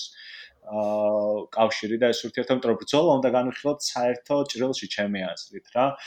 შეუძლებელია რომ დღეს განვიხილოთ დღეს საუბრობდე საბინაო საკითხზე საქართველოში და არ საუბრობდე საბინაო საკითხზე რომელიც კონკრეტულად ტრანსგენდერ ადამიანებს ეხება. შეუძლებელია რომ საუბრობდე შრომით უსაფრთხოებაზე და არ საუბრობდე შრომით უსაფრთხოებაზე სექს მუშაკების რომლებსაც მართლა სიკვდილისთვის ყოველ დღიურად თვალში ჩახედვა უწევთ ქართული საზოგადოების პირობებში ხო? შეუძლებელია რომ საუბრობდეთ ემანსიპაციაზე, შრომის დაფასებაზე, equal pay თანასწორ ანაზღაურებებზე და არ საუბრობდეთ თალებზე, რომლებიც ამ ამ დისკურსის ამ დისკუსიიდან იჩაგრებიან განსაკუთრებით განსაკუთრებულზე წოვას განიცდიან და ასევე შეუძლებელია საუბრობდეთ ტრანსგენდერების საბინაო პოლიტიკაზე თუ იმის გარეშე რომ საუბრობდეთ ზოგადად საბინაო პოლიტიკაზე. ხომ შენ რაც ახსენე ეს არგუმენტი რაც ძალიან კარგი იყო, იყო რომ როდესაც დაიკავეს ეს შენობა, ხომ ნიუ-იორკში საუბარი იყო ზოგადად ნიუ-იორკის საბინაო პოლიტიკაზე, ხომ? რომ აქ ერთი ჯგუფიდან გამომდინარე, ერთი ჯგუფი თავის ჩაგვიდან გამომდინარე ასახავდა საერთო საზოგადოებრივი ჩაგვის სტრუქტურას და ამ სტრუქტურაში აი ადრე პოლიტიკა ჩემი აზრით უფრო ესეთი იყო, რომ კარს უღებდა სხვა ჩაგულ ჯგუფებსაც რომ ეპოვათ გარკვეულწილად კავშირი, ეპოვათ ემპათია და საერთო ბრძოლისკენ მიემართათ, ხომ? რაღაცნაირად ინტერესი და მე რაც ძალიან სამწუხაროდ ხედავ ეს არ ვიცი რისი ბრალია წინ სამაც სასკითხოსაც არ მეპასუხია ეს საქართველოსი როგორი ჰეგემონია არსებობს რაღაც მაგრამ ამ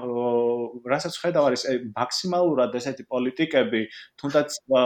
საქართველოსი არსებული იდენტობის პოლიტიკა საქართველოსი არსებული მემარცხენე პოლიტიკაც მათ შორის კონსერვატივის ასე შემდეგ მაქსიმალურად ვთქვი რომ ერთმანეთისგან გათიშოს ჯგუფები რომლებიც ბრძოლაში არიან ძალიან ბუნებრივი მოკავშირეები ერთმანეთის. რა მაქსიმალურად ვთქვი რომ ერთმანეთისგან გათიშოს ისენ ისეთი ადამიანები რომლებიც გაერთიანებული ძალით წარმოადგენენ უკვე სერიოზულ წინააღმდეგობას რა და არ ვიცი საბოლოო ჯამში ჩემი უპირველესი კრიტიკა იდენტობის პოლიტიკის გადის ზუსტად ამაზე რა. რომ იდენტობის პოლიტიკა ცდილობს რომ შინაარსი გამოაცალოს გარკვეულწილად ბრძოლას და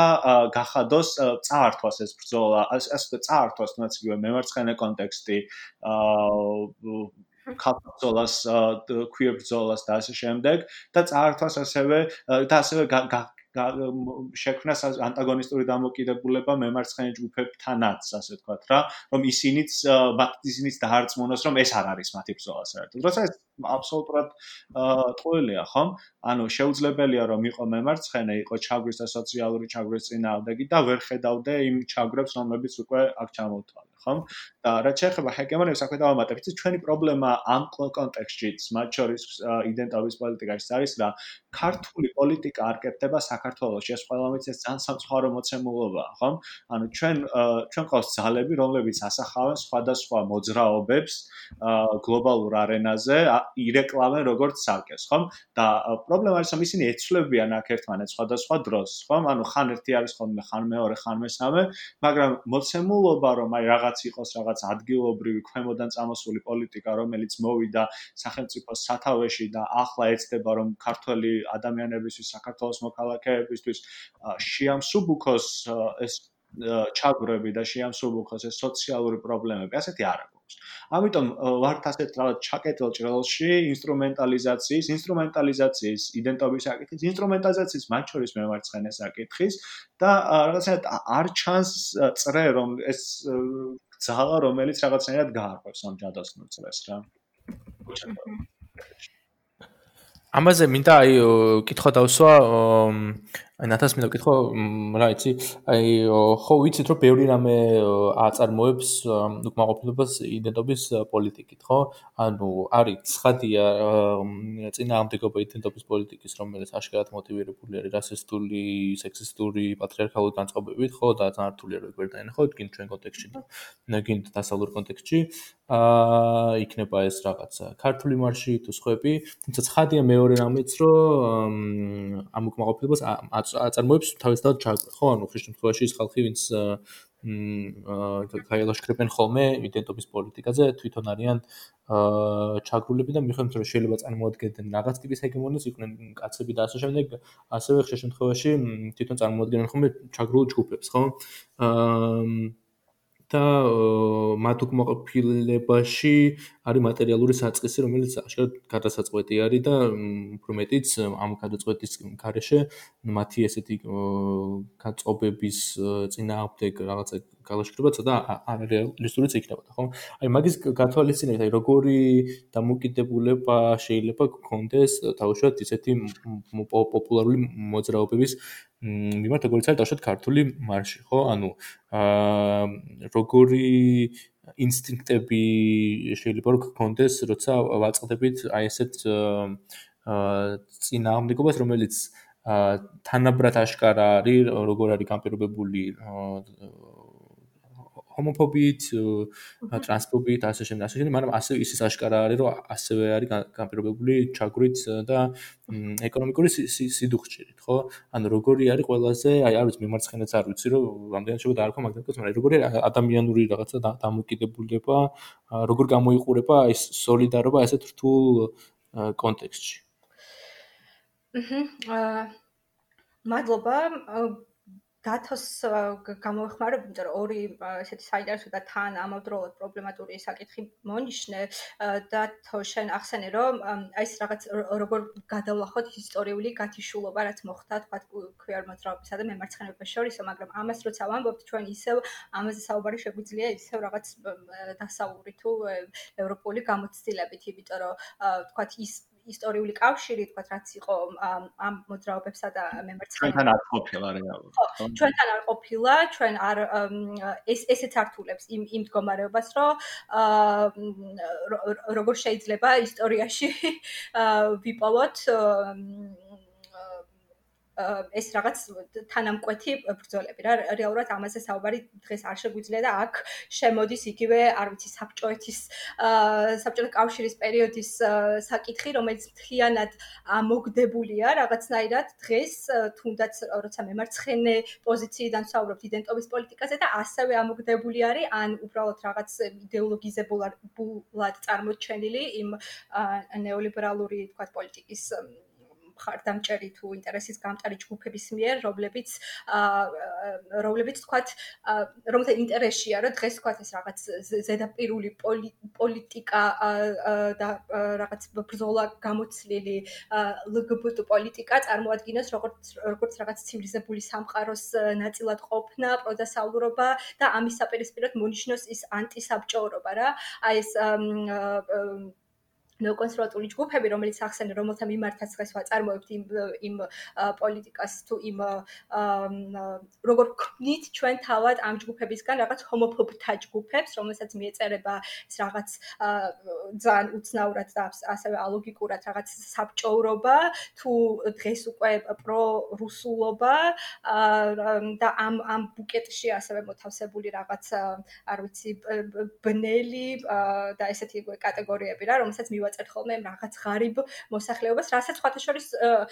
მემარცხენე პოზიციიდან იდენტობის გამკრიტიკებელი ადამიანებიც ხშირად ვერ აღწევენ ამას თავს, როცა ისინი თავად სახავენ ამ რაღაც საზოგადოების ერთ ჯგუფს, რაღაც ჰომოფობ ჯგუფად, რომელსაც აერთიანებს კი, კი, კი. ნიშანი, რომელიც არის არ ვიცი მართლმადიდებელი და ესე შემდეგ რა, ეს რაღაც იდენტობას ვაწარმოებთ ახალს ამ ამ ჯგუფებიდან, რაც არის ასევე ძალიან საშიში და ძალიან ანტი რევოლუციური. ანტი დენობრი პრობლემა. ის რა ნათან ანუ აი ღარიბი ადამიანი რომ და ღარიბი მშრომელი რომ მაგ ავტომატურად როგორც ჰომოფობი ისე დაარეგისტრიროს თუნდაც კონსერვატიულმა და ამაში ხელი შეუწყოს კიდე მემარცხენე რიტორიკა მე ძალიან დიდ ამაში ხელი შეუწყოს მას ყველა მემარცხენე რიტორიკაც და აი ის რაღაც ნეოლიბერალური რიტორიკაც ანუ ყველა რაღაცა ერთიანდება ძალიან საინტერესოა ეს იმ იმ იმაში რომ ისევ რაღაც მოახდინოს საზოგადო იდენტობის დაყოფა სულ ერთია ის რაღაც იდენტობის პოლიტიკას უჭერს მხარს თუ აკრიტიკებს, ну, სხვა საკითხია, როგორ უჭერს მხარს, თქვა, ამ შემთხვევაში იგივე ნეოლიბერალური ჯგუფები სულიად გროტესკია ის, რასაც ვხედავთ დღეს, თქვა, რაღაც პოლიტიკოსების მხრიდან, ისეთ პოლიტიკოსების მხრიდან, რომლებმაც ბევრი წლის განმავლობაში თავად აწარმოეს აი ეს დამხლეთში რაღაც საზოგადოების პროგრესულ და რეგრესულ თუ ჩარეცხილ და ამორეცხილ საზოგადოებრივ ჯგუფებად როგორ იყენებენ დღეს ხო ისევ რაღაც თავიდან დაწყებულ ინსტრუმენტალიზებას დაუბრუნდეთ ხო? აა ხო და სწორედ ამიტომ დათო შენ როცა ამბობ რომ ეს გათიშულობა რომელიც თითქოს და ბუნებრივ მოკავშირეებს უნდა აკავშირებდეს ეს ასე მარტივი არ არის სამწუხაროდ ჩვენს რეალობაში. აა სწორედ იმიტომ რომ ჩვენ არ შეგვიძლია ისტორიულად მოვიძიოთ და ვილაპარაკოთ ისტორიულად რაღაც არ ვიცი ქვია რომ განმათავისუფლებელ მოძრაობაზე რომელიც არ მომხდარა საქართველოში არ მომხდარა საბჭოთა სივრცეში. აა უბრალოდ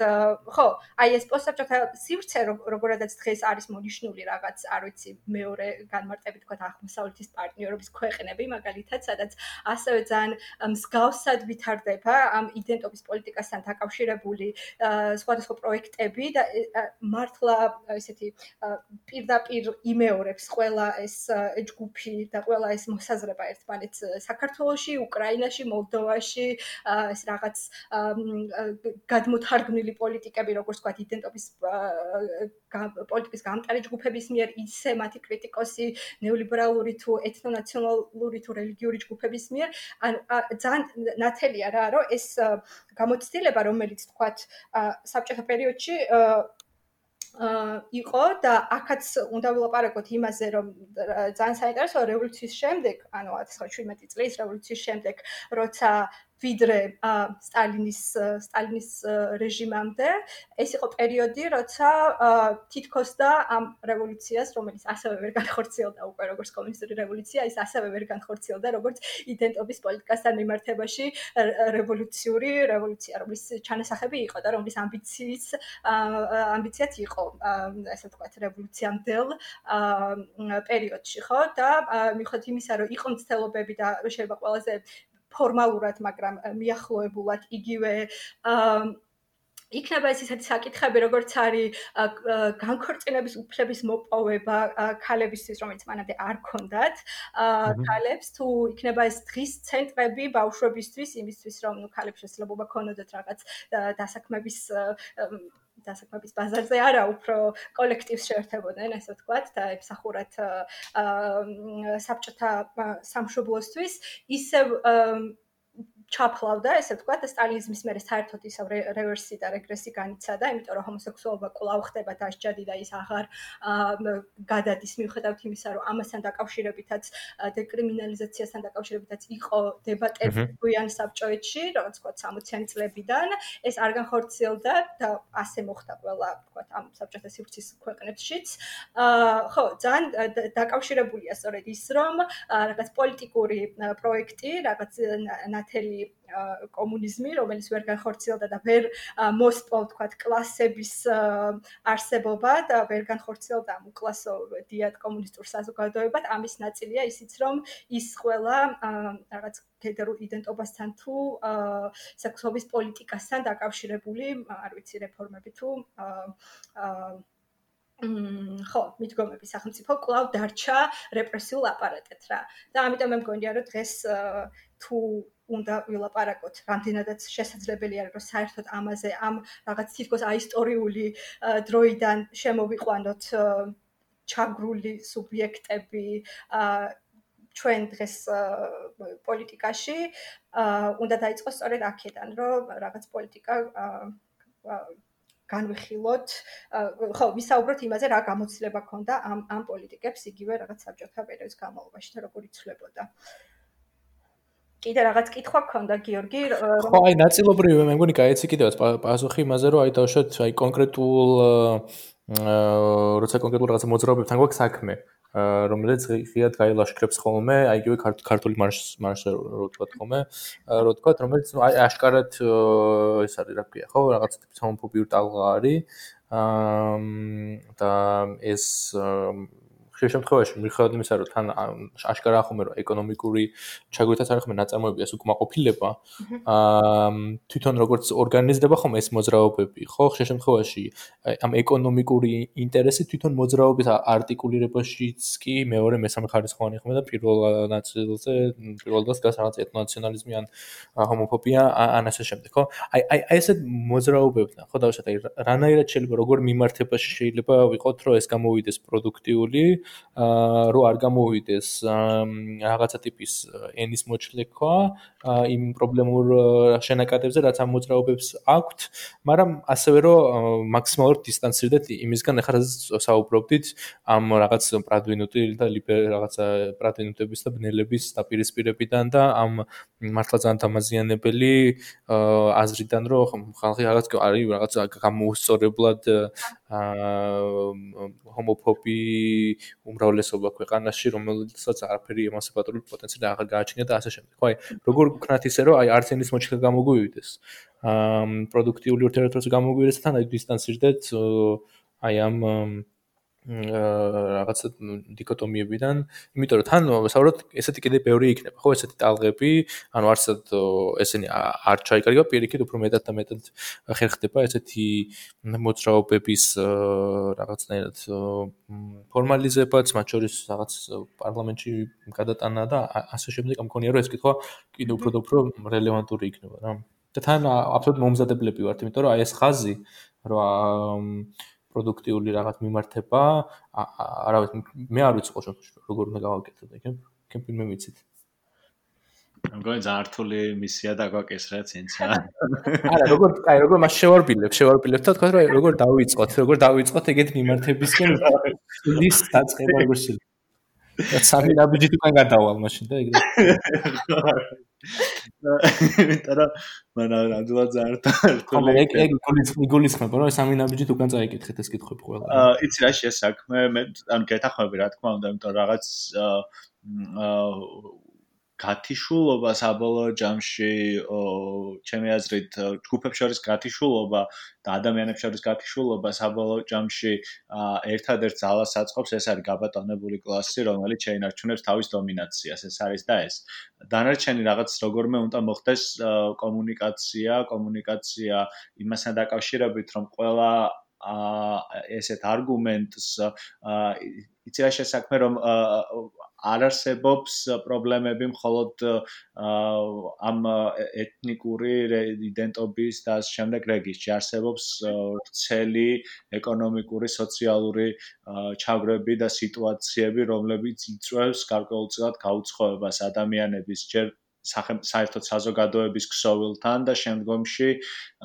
რაღაცნაირად გადა რაღაც მარტივი გამოსავალი არის ხოლმე შემდგომ პოვნა რაღაც ჯგუფის როგორც წესი რომელსაც ეს გადააბრალებ ძალიან ბევრ ამეს და იტყვი რომ აი მოდი იცი ჩემ პრობლემების და ჩემი თუნდაც ის სიღარიბის და ყველაფრის თავი და თავი არის რაღაც ეს ერთი მოცემულობა რა საკეთებენ ხოლმე ეს ჯგუფები საერთოდ ეს სიზულზე დაფუძნებული ჯგუფების ექსკლუზიური პოლიტიკური სტრატეგია ეს არის ხო რაღაც ფაშისტებიდან ეთნონაციონალისტებამდე რაღაც სამჰომოფობიური ჯგუფებამდე რომ მივიდეთ რა რომ რაღაც არის ბევრი პრობლემები პრობლემები დიდწილად არის სოციალური რა თქმა უნდა და ეს პრობლემები არის აი რაღაცის გამო. იცი ეს რაღაცის გამო უნდა შევძლოთ და შემოვაბრუნოთ და ვთქვათ რომ იცი არ არის ასე, ხომ? იმიტომ რომ პრობლემები, სოციალური პრობლემები, რომლებსაც უნდაც იგივე ქართული მარშის წევრები აწყდებიან, ზუსტად იგივე ეკონომიკურ და სოციალურ პრობლემებს აწყდებიან queer თემის წარმომადგენლები. ტრანსგენდერები, უვარეს პრობლემებსაც აწყდებიან, ხომ? თუმ აი ეს ადამიანური პრობლემა და ეს ადამიანური ემპათია, რომელიც აი არ ვიცი, მე ბოლომდე დამიცახეთ მეოცნებე და რომ იდეალისტი და უტოპისტი რაც კიდე, მაგრამ მე მგონია რომ არ არსებობს ესეთი აა ადამიანი რომელიც დაცლილია ადამიანის სოციალური ემპათიისგან რა. ანუ მე მგონია რომ ეს რაღაც ეს არის რაღაცა რითაც რაც თან დაგყვება და რაღაცა რითაც როც თუ შევეცდებით რომ ერთმანეთში გავაყვებოთ აუცილებლად გაიღვიძებს რა. და მე მგონია რომ ეს ურთიერთობა რაღაცნაირად რამდენიმე ესეთი აქტიური ნაბიჯი არის გადასადგმელი ერთის მხრიდან და მეორეს მხრიდანაც რომ საბოლოო ჯამში დაიძლიოს აბსოლუტურად გაბატონებული კლასისგან ნაკარნახევი პოლიტიკა და მათთვის ისეთი სტატუს კო შენარჩუნება, რაც აწყობთ რა რეალურად რა და ეს დაიძლიოს იმითან გამომდინარე, რომ ვილაპარაკოთ იმ პრობლემებზე, რაც საერთო გვაქვს. და ეს საერთო პრობლემები არ იქნება ცოტა. ეს საერთო პრობლემები იქნება ძალიან ბევრი და საბოლოო ჯამში მივალთ იქამდე, რომ ყველა პრობლემას ყავს ერთი სათავე და როგორც კი იმ სათავეს დაუმიზნებთ ჩვენ გაერთიანებულ ბრძოლებს, ჩაგრული ფენები, მაშინვე შევძლებთ რომ გადავიდეთ უფრო პროდუქტიულ საუბარში და პროდუქტიულ დისკუსიაში რა. აა კი, შენ აა მონიშნე თითქოს ის გზა და საკმაოდ მარტივად თითქოს საუბარში მარტივია საუბარი იმაზე რომ აა ხო, რაღაც საზოგადოების სხვადასხვა ჩაგული ჯგუფები, რომელსაც რაც შეიძლება ითქვას, რომ ცოტა პრობლემური მაინც არის იმის თქმა, რომ აი ესე რაღაც განსაზღვრულად მოვნიშნოთ რაღაც იდენტობები, ეკონომიკურად ჩაგრული ჯგუფი, მუშა, ჰომოსექსუალი და ასე შემდეგ და რაღაც ესეთი მარტივი არითმეტიკა უნდა გავაკეთოთ იმის იმით რომ რაღაც ეს სხვადასხვა გაერთიანებული ჯგუფები სხვადასხვა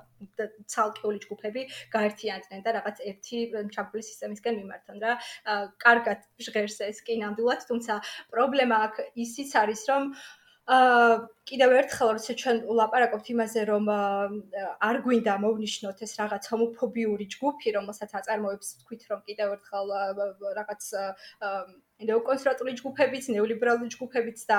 ახლა უკვე გარკვეული ხაზით მემარცხენე კრიტიკისა, როგორ დავახციოთ ამას თავი და ამას თავი უნდა დავახციოთ სწორედ იმით, რომ ვისაუბროთ სისტემურ და სტრუქტურულ პრობლემ ჩაგვრებზე, რომელიც არ არის არ გვაძლევს იმის საშუალებას, რომ ჩვენ ესე მარტივად დავყოთ საზოგადოება ჰომოფობ და არა ჰომოფობ, სექსისტ და არა სექსისტ ადამიანებად და ამის კარგი მაგალითია ეს რაღაც ბოლდროინდელი ტენდენცია, რაც რაღაც 17 მაისის პერიოდში და შემდეგაც მოყვა რაღაც ეს თლათ ტალღა შეიძლება არა, მაგრამ შევნიშნე რაღაც ტენდენცია, ესეთ ჟურნალისტურ თუ პოლიტიკურ სუბიექტებს შორის, რომლებიც გარკვეულ coming out-ს აკეთებენ, იმით რომ აი მე ვიყავი წარსულში ჰომოფობი და ახლა აღარა ვარ რა და ძალიან ძალიან საინტერესო იყო. აა ნიკა გვარამიას გადაცემა, რომელიც არ მახსოვს რამდენიმე დღის წინ, ან შეიძლება ერთი კვირის წინაც იყო. აა ძალიან საინტერესო იყო ეს სიუჟეტი მის ღამის მონოლოგში ტელეკომპანია მთავარზე,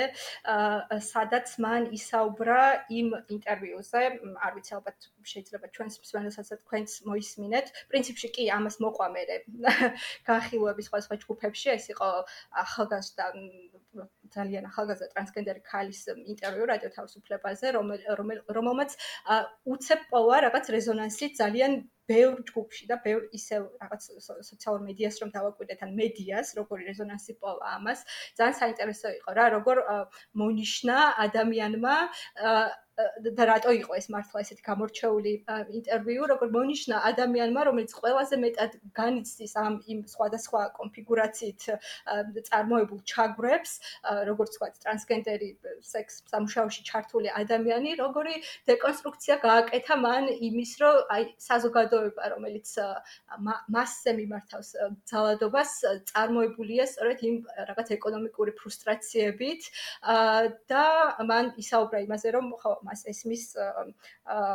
თუ რა აწარმოებს იმ ძალადობას, რომელიც შემდეგ მას მიემართება რა. და ეს იყო მართლა ალბათ ერთ-ერთი პირველი შემთხვევა ესეთ საჯაროთ ინტერვიუში, როცა მე ვიტყოდი რომ ეს იყო პირველი მცდელობა იმ რაღაც სხვადასხვა ჩაგვრების გაერთიანებისკენ, რომელზეც ამ ადამიანმა ისაუბრა და ძალიან საინტერესო რა იყო რომ ნიკა გვარამია რომელიც ამბობს რომ აი ამ ინტერვიუმ რაღაც რევოლუციური ცვლილება მოახდინა მასში და თურმე ის უშინდლამდე სანამ ნახავდა ამ ინტერვიუს იყო ტრანსფობის სრულიად გაუცნობიერებლად როგორც ესე თქვა მან ბოდიში მოიხადა რომ არიცის რატომ მაგრამ ქონდა ეს რაღაც ტრანსფობიული ზისხის ირაციონალური ზისხის შეგრძნება თუ შიშის შეგრძნება როგორ დაუნგრია მას ამ ინტერვიუმ მაგრამ ამის შემდეგ ძალიან საინტერესოა ის რომ ის უბრუნდება კამერას და თიც უქნევს საზოგადოებას რომ იმ იმ ტექსტით რომ აი რა სერჩით ამ ადამიანს. და მთლიანად ისევ საკითხის დეპოლიტიზება მოხდა იმის იმის გაკეთებით რომ ისევ რაღაც საზოგადოების იმ რაღაც ბნელ მასას დაბრალდა ამ ადამიანის მხრიდან რომელმაც ასეთი enlightenment გაიარა უცებ ერთ დღეში. აა დაბრალება მოხდა ისევ ამ რაღაც ღარიბ რაღაც არის შეუწყნარებელ საზოგადოებაზე ამ ტრანსფობიის რა. თითქოს ეს არ არის რაღაც ძალიან დიდი და ხანგრძლივი ისტორიული, პოლიტიკური და ასე შემდეგ პროცესების შედეგი ეს ეს ტრანსფობია თუ ჰომოფობია თუ ყველა სხვა ტიპის ჩაგვრა რომ რომელსაც ჩვენ შეიძლება ვილაპარაკოთ, თითქოს ეს არ არის რაღაც სტრუქტურული და სისტემის მიერ განხორციელებული პოლიტიკა. და თითქოს ეს არის რაღაც ადამიანების ჯგუფი საზოგადოების, რომელიც არის უბრალოდ ესე მარტივად ჰომოფობი, ტრანსფობი თუ სექსისტი და ღარიბი და მორწმუნე და ესე შემდეგ, ხო? აა ხო, ამიტომ მე ვფიქრობ, რომ ეს ის რაც ჩვენ იმ ინტერვიუში მოვისმინეთ, იყო სწორედ ამ ამგვარი საუბრის დაწყების მცდელობა. აა და სწორედ ამიტომ პოვა ალბათ მან ესეთი გამოხმაურება და კი ძალიან მართალი ხარ სიმართლე რა გითხრა, იმიტომ რომ იცი და შესაქმე მე ამის გარდა ერთ ერთ მოცემულობასაც ხედავ და ბოლოს აქეთკენ წავიდე და შემდგომ დავასრულოთ ხო, ანუ კლასობრივი მოცემულობა იდენტობიდან განსაზღვრული ჩაგვრის შეუძლებელია რომ უარყოთ. შეუძლებელია რომ ასე ვქოთ ეს ვერ დავინახოთ გაბატონებული კლასის ტაქტიკა, რომ გაყოს ადამიანები სამუშაო ძალად. ხო, სამუშაო ძალაში შექმნას, ასე ვთქვათ, დივერსიფიკაცია და შესაბამისად მშრომელ კლასში შექმნას რაღაც აბსოლუტურად უსაგნო გაუცხოება ერთმანეთისგან, ხო? ანუ იმიტომ რომ ჩაგვრის ამოსავალი წერტილი, რასაც მადონა უსვამ და ხას იქ, იყო მის სწორედ მის მიმართ და მისი მოძულეების მიმართ ეკონომიკური ჩაგვრა, ხო? და ეს აქტუალური საკითხი ეს არ არის ეს ჩემს ფუნდამენტური საკითხი არის საერთოდ, ხო? რომ აი როდესაც ან ტრანსგენდერის მიმართ ტრანსგენდერზე განხორციელებული ზეწოლა და ჩაბრა სახელმწიფოს მხრიდან ყველაფერთან ერთად არის ის რომ ის არ მას არ შეუძლია რომ იმუშაოს ისე როგორც სხვას მაგალითად, ხო? არ აქვს ამის უფლება უბრალოდ. ბევრ ამის ან ჯანმრთელობის უამრავი ფაქტორით არის ეს განსაზღვრული. თამთოს განათლებით თუნდაც ან ძალიან დიდი საკითხი არის ასევე იურიდიული განსაზღვრა ხომ? როგორი იდენტობით არის დარეგისტრირებული საერთო ჯამში. სახელმწიფო ეს ეხება ადამიანს ბოდიში ძალიან მოკლედ ჩართო ეს ძალიან კარგად გამოვლინდა ეს სახელმწიფო სრული იგნორირებაც და საერთოდ პრობლემის ვერ ხდებდა ნახვა პანდემიის პერიოდში, როდესაც ჩვენ და ნუ ამ შემთხვევაში ჩვენ გულისხმობ რაღაც რამდენიმე queer სათემო ორგანიზაციას, რომელიც პანდემიის დასაწყისში უკვე ვიცოდით, რომ ყველაზე მწვავედ ეს მდგომარეობა იმოქმედებდა იმ ადამიანებზე, რომლებიც გარიყული არიან ოჯახებიდან, რომლებიც რომელთა შრომა არის ყოველდღიური რაღაც ან პრეკარიატული შრომა, ან იქნება ეს რაღაც სუპერმარკეტებში მომუშავე ადამიანები და ამ შემთხვევაში მე თემის წევრებს გულისხმობ, რადგან ის დამატებითი პრობლემები მინდა შემოვიტანო, თუ იგივე სექს სამუშაოში ჩართული და ყოველდღიურ შრომაზე დამოკიდებული ადამიანები, როგორ გახდებოდნენ პირველი, ესე ვთქვათ, დარტყმის მსხვერპლი, ასე ვთქვათ, ამ პანდემიის, ხო? და სახელმწიფოს პასუხი ერთი იმ შემთხვევის შემდეგ, იმ ძალიან ძიმე შემთხვევის შემდეგ რომ რომლის ასევე მთავარი გმირი არის ადამიანი რომელზეც ვილაპარაკეთ. ადამიანის უფლებათა საპარლამენტო კომიტეტის თავმჯდომარის პასუხი იყო Facebook სტატუსი, როცა მან ტრანსგენდერ ადამიანს უთხრა, თქვენ შეგიძლიათ რეგისტრების ადგილას მიხვიდეთ და მიიღოთ რაღაც პირველადი დახმარება მთავრობისგან, აი ამ ძიმე მოვლენის შემდეგ, რომელსაც რა თქმა უნდა ეს ადამიანი არ გააკეთებდა, რო არ მომხდარიყო ეს შემთხვევა რა, იმიტომ რომ იყო რაღაც ზეწოლა, ასე ვთქვათ, სხვა პოლიტიკურად დაინტერესებული ჯგუფების მხრიდანაც, მათ შორის, რომ აი ემხილებინათ ის სახელმწიფო, რომლის სოციალურ პოლიტიკასაც სხვა დროს ჯგუფები არ აღიარებენ, მაგრამ ნუ ამ შემთხვევაში გამოიყენეს ეს შემთხვევა იმისთვის, რომ სახელმწიფოსთვის ეთქვათ, რომ აი შენ არაფერს აკეთებ რაღაც ტრანსგენდერების თუ სხვა ჯგუფების მიმართ. ხო, და რაში მდგომარეობდა ახლა სრული ზედაპირულობა ამ განცხადების, რომ აქ გამოჩნდა სწორედ ის, რომ ტრანსგენდერი ადამიანები, რომლებიც სინამდვილეში თავიანთი რეგისტრების ადგილებიდანაც წამოსული არიან სწორედ იმ ოჯახური, სოციალური და შემდეგ კონფლიქტების გამო და მათ მეორე მხრივ არ აქვს თქვა იგივე გედერის სამართლებრივი აღიარება სახელმწიფოს მხრიდან, რამდენად კონფლიქტში მოვიდა ეს, რომ ამ ადამიანებს უბრალოდ არ შეეძლოთ მისულიყვნენ თუნდაც იმ შემოთავაზებული რაღაც სრულიად სასაცილო დახმარების ერთჯერად დახმარების ასაღებად, რომელიც რომელიც მათ გამოუცხადა როგორც რაღაც შველა ადამიანის უფლებათა კომიტეტმა. რა და აქ ძალიან კარგად გამოჩნდა აი ეს იურიდიული და სოციალური თქვა პრობლემების გადაკვეთა. აა ხო. შენ გაგაწყვეტინეს ან რაღაც აზრი მქონდა თუ არაფერი კითხვა დაგესვა. არა, პირიქით, დიდი მადლობა რომ ჩაერთე და ესეთი კონტექსტიც მიეცი რაც უნდა. კი ზუსტად ესე არის, საერთოდ ანუ ეს განსაზღვრებები სახელმწიფოს მხრიდან თუნდაც კი ბიუროკრატიული აპარატის მიღმა დატოვება ადამიანების. ეს არის ამ ჩაგვრის ალბათ ყველაზე ერთ-ერთი უსასტიკესი გამოვლინება მათ შორის, ხო? ანუ ჩვენ ვამბობთ, რომ საქართველოში არ არის დაცული მშრომელთა უფლება, მაგრამ ჩვენ ყავს ასევე ადამიანები, რომლებიც მიღმა არიან საერთოდ ამ პრობლემისგან რა, ანუ რომლებსაც არ აქვს უფლება რომ იშრომონ კიდეც. ხო, ხტობით არის ერთი ჩართვაც რომ ამ ამ სიაში ამ რაღაც ანტი კრიზისულ სიაში თქვა ტრანსგენდერებთან თუ სხვა თემის წევრებთან ერთად ასევე მოხვდნენ არ ვიცი ქალები რომლებიც თქვა საერთოდ ვერ მოხვდნენ რაღაც იგივე დაქირავებული შრომის თუ რაღაც ოფიციალურად გაფორმებული გაფორმებულ სამუშაო ურთიერთობაში შესული რა. კი კი კი. ეს არის ძალიან გადამკვეთი პრობლემა ამ საზოგადოების სხვა ჯგუფებისა რომ რომლებიც საერთოდ ვერ მოხვდნენ რაღაც იურიდიულ განსაზღვრებებში თუ და შემდეგ შესაძლებლად რაღაც სახელმწიფოს მიერ შემოთავაზებულ ვერც ბენეფიტები მიიღეს, ვერაფერ ამის გარდა ნუ არის წარმოშობს უამრავ მას ხომ ანუ ეს სტატუსის განსაზღვრელობა სახელმწიფო მაინც ბიუროკრატიული აპარატია ხო სახელმწიფო სახელმწიფოობა ეგ არის ხო ანუ ეგ ამუშავებს და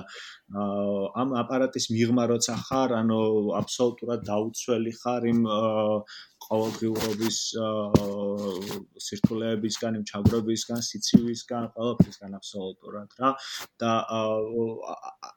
ეს ყველაფერი საბოლოო ჯამში ისე ამ ყველაფერს მივყავართ ისე ამ კლასობრივ ბრძოლამდე რა ჩემი აზრით იმიტომ რომ ჩვენ საუბრობთ გაბატონებული კლასი როდესაც ის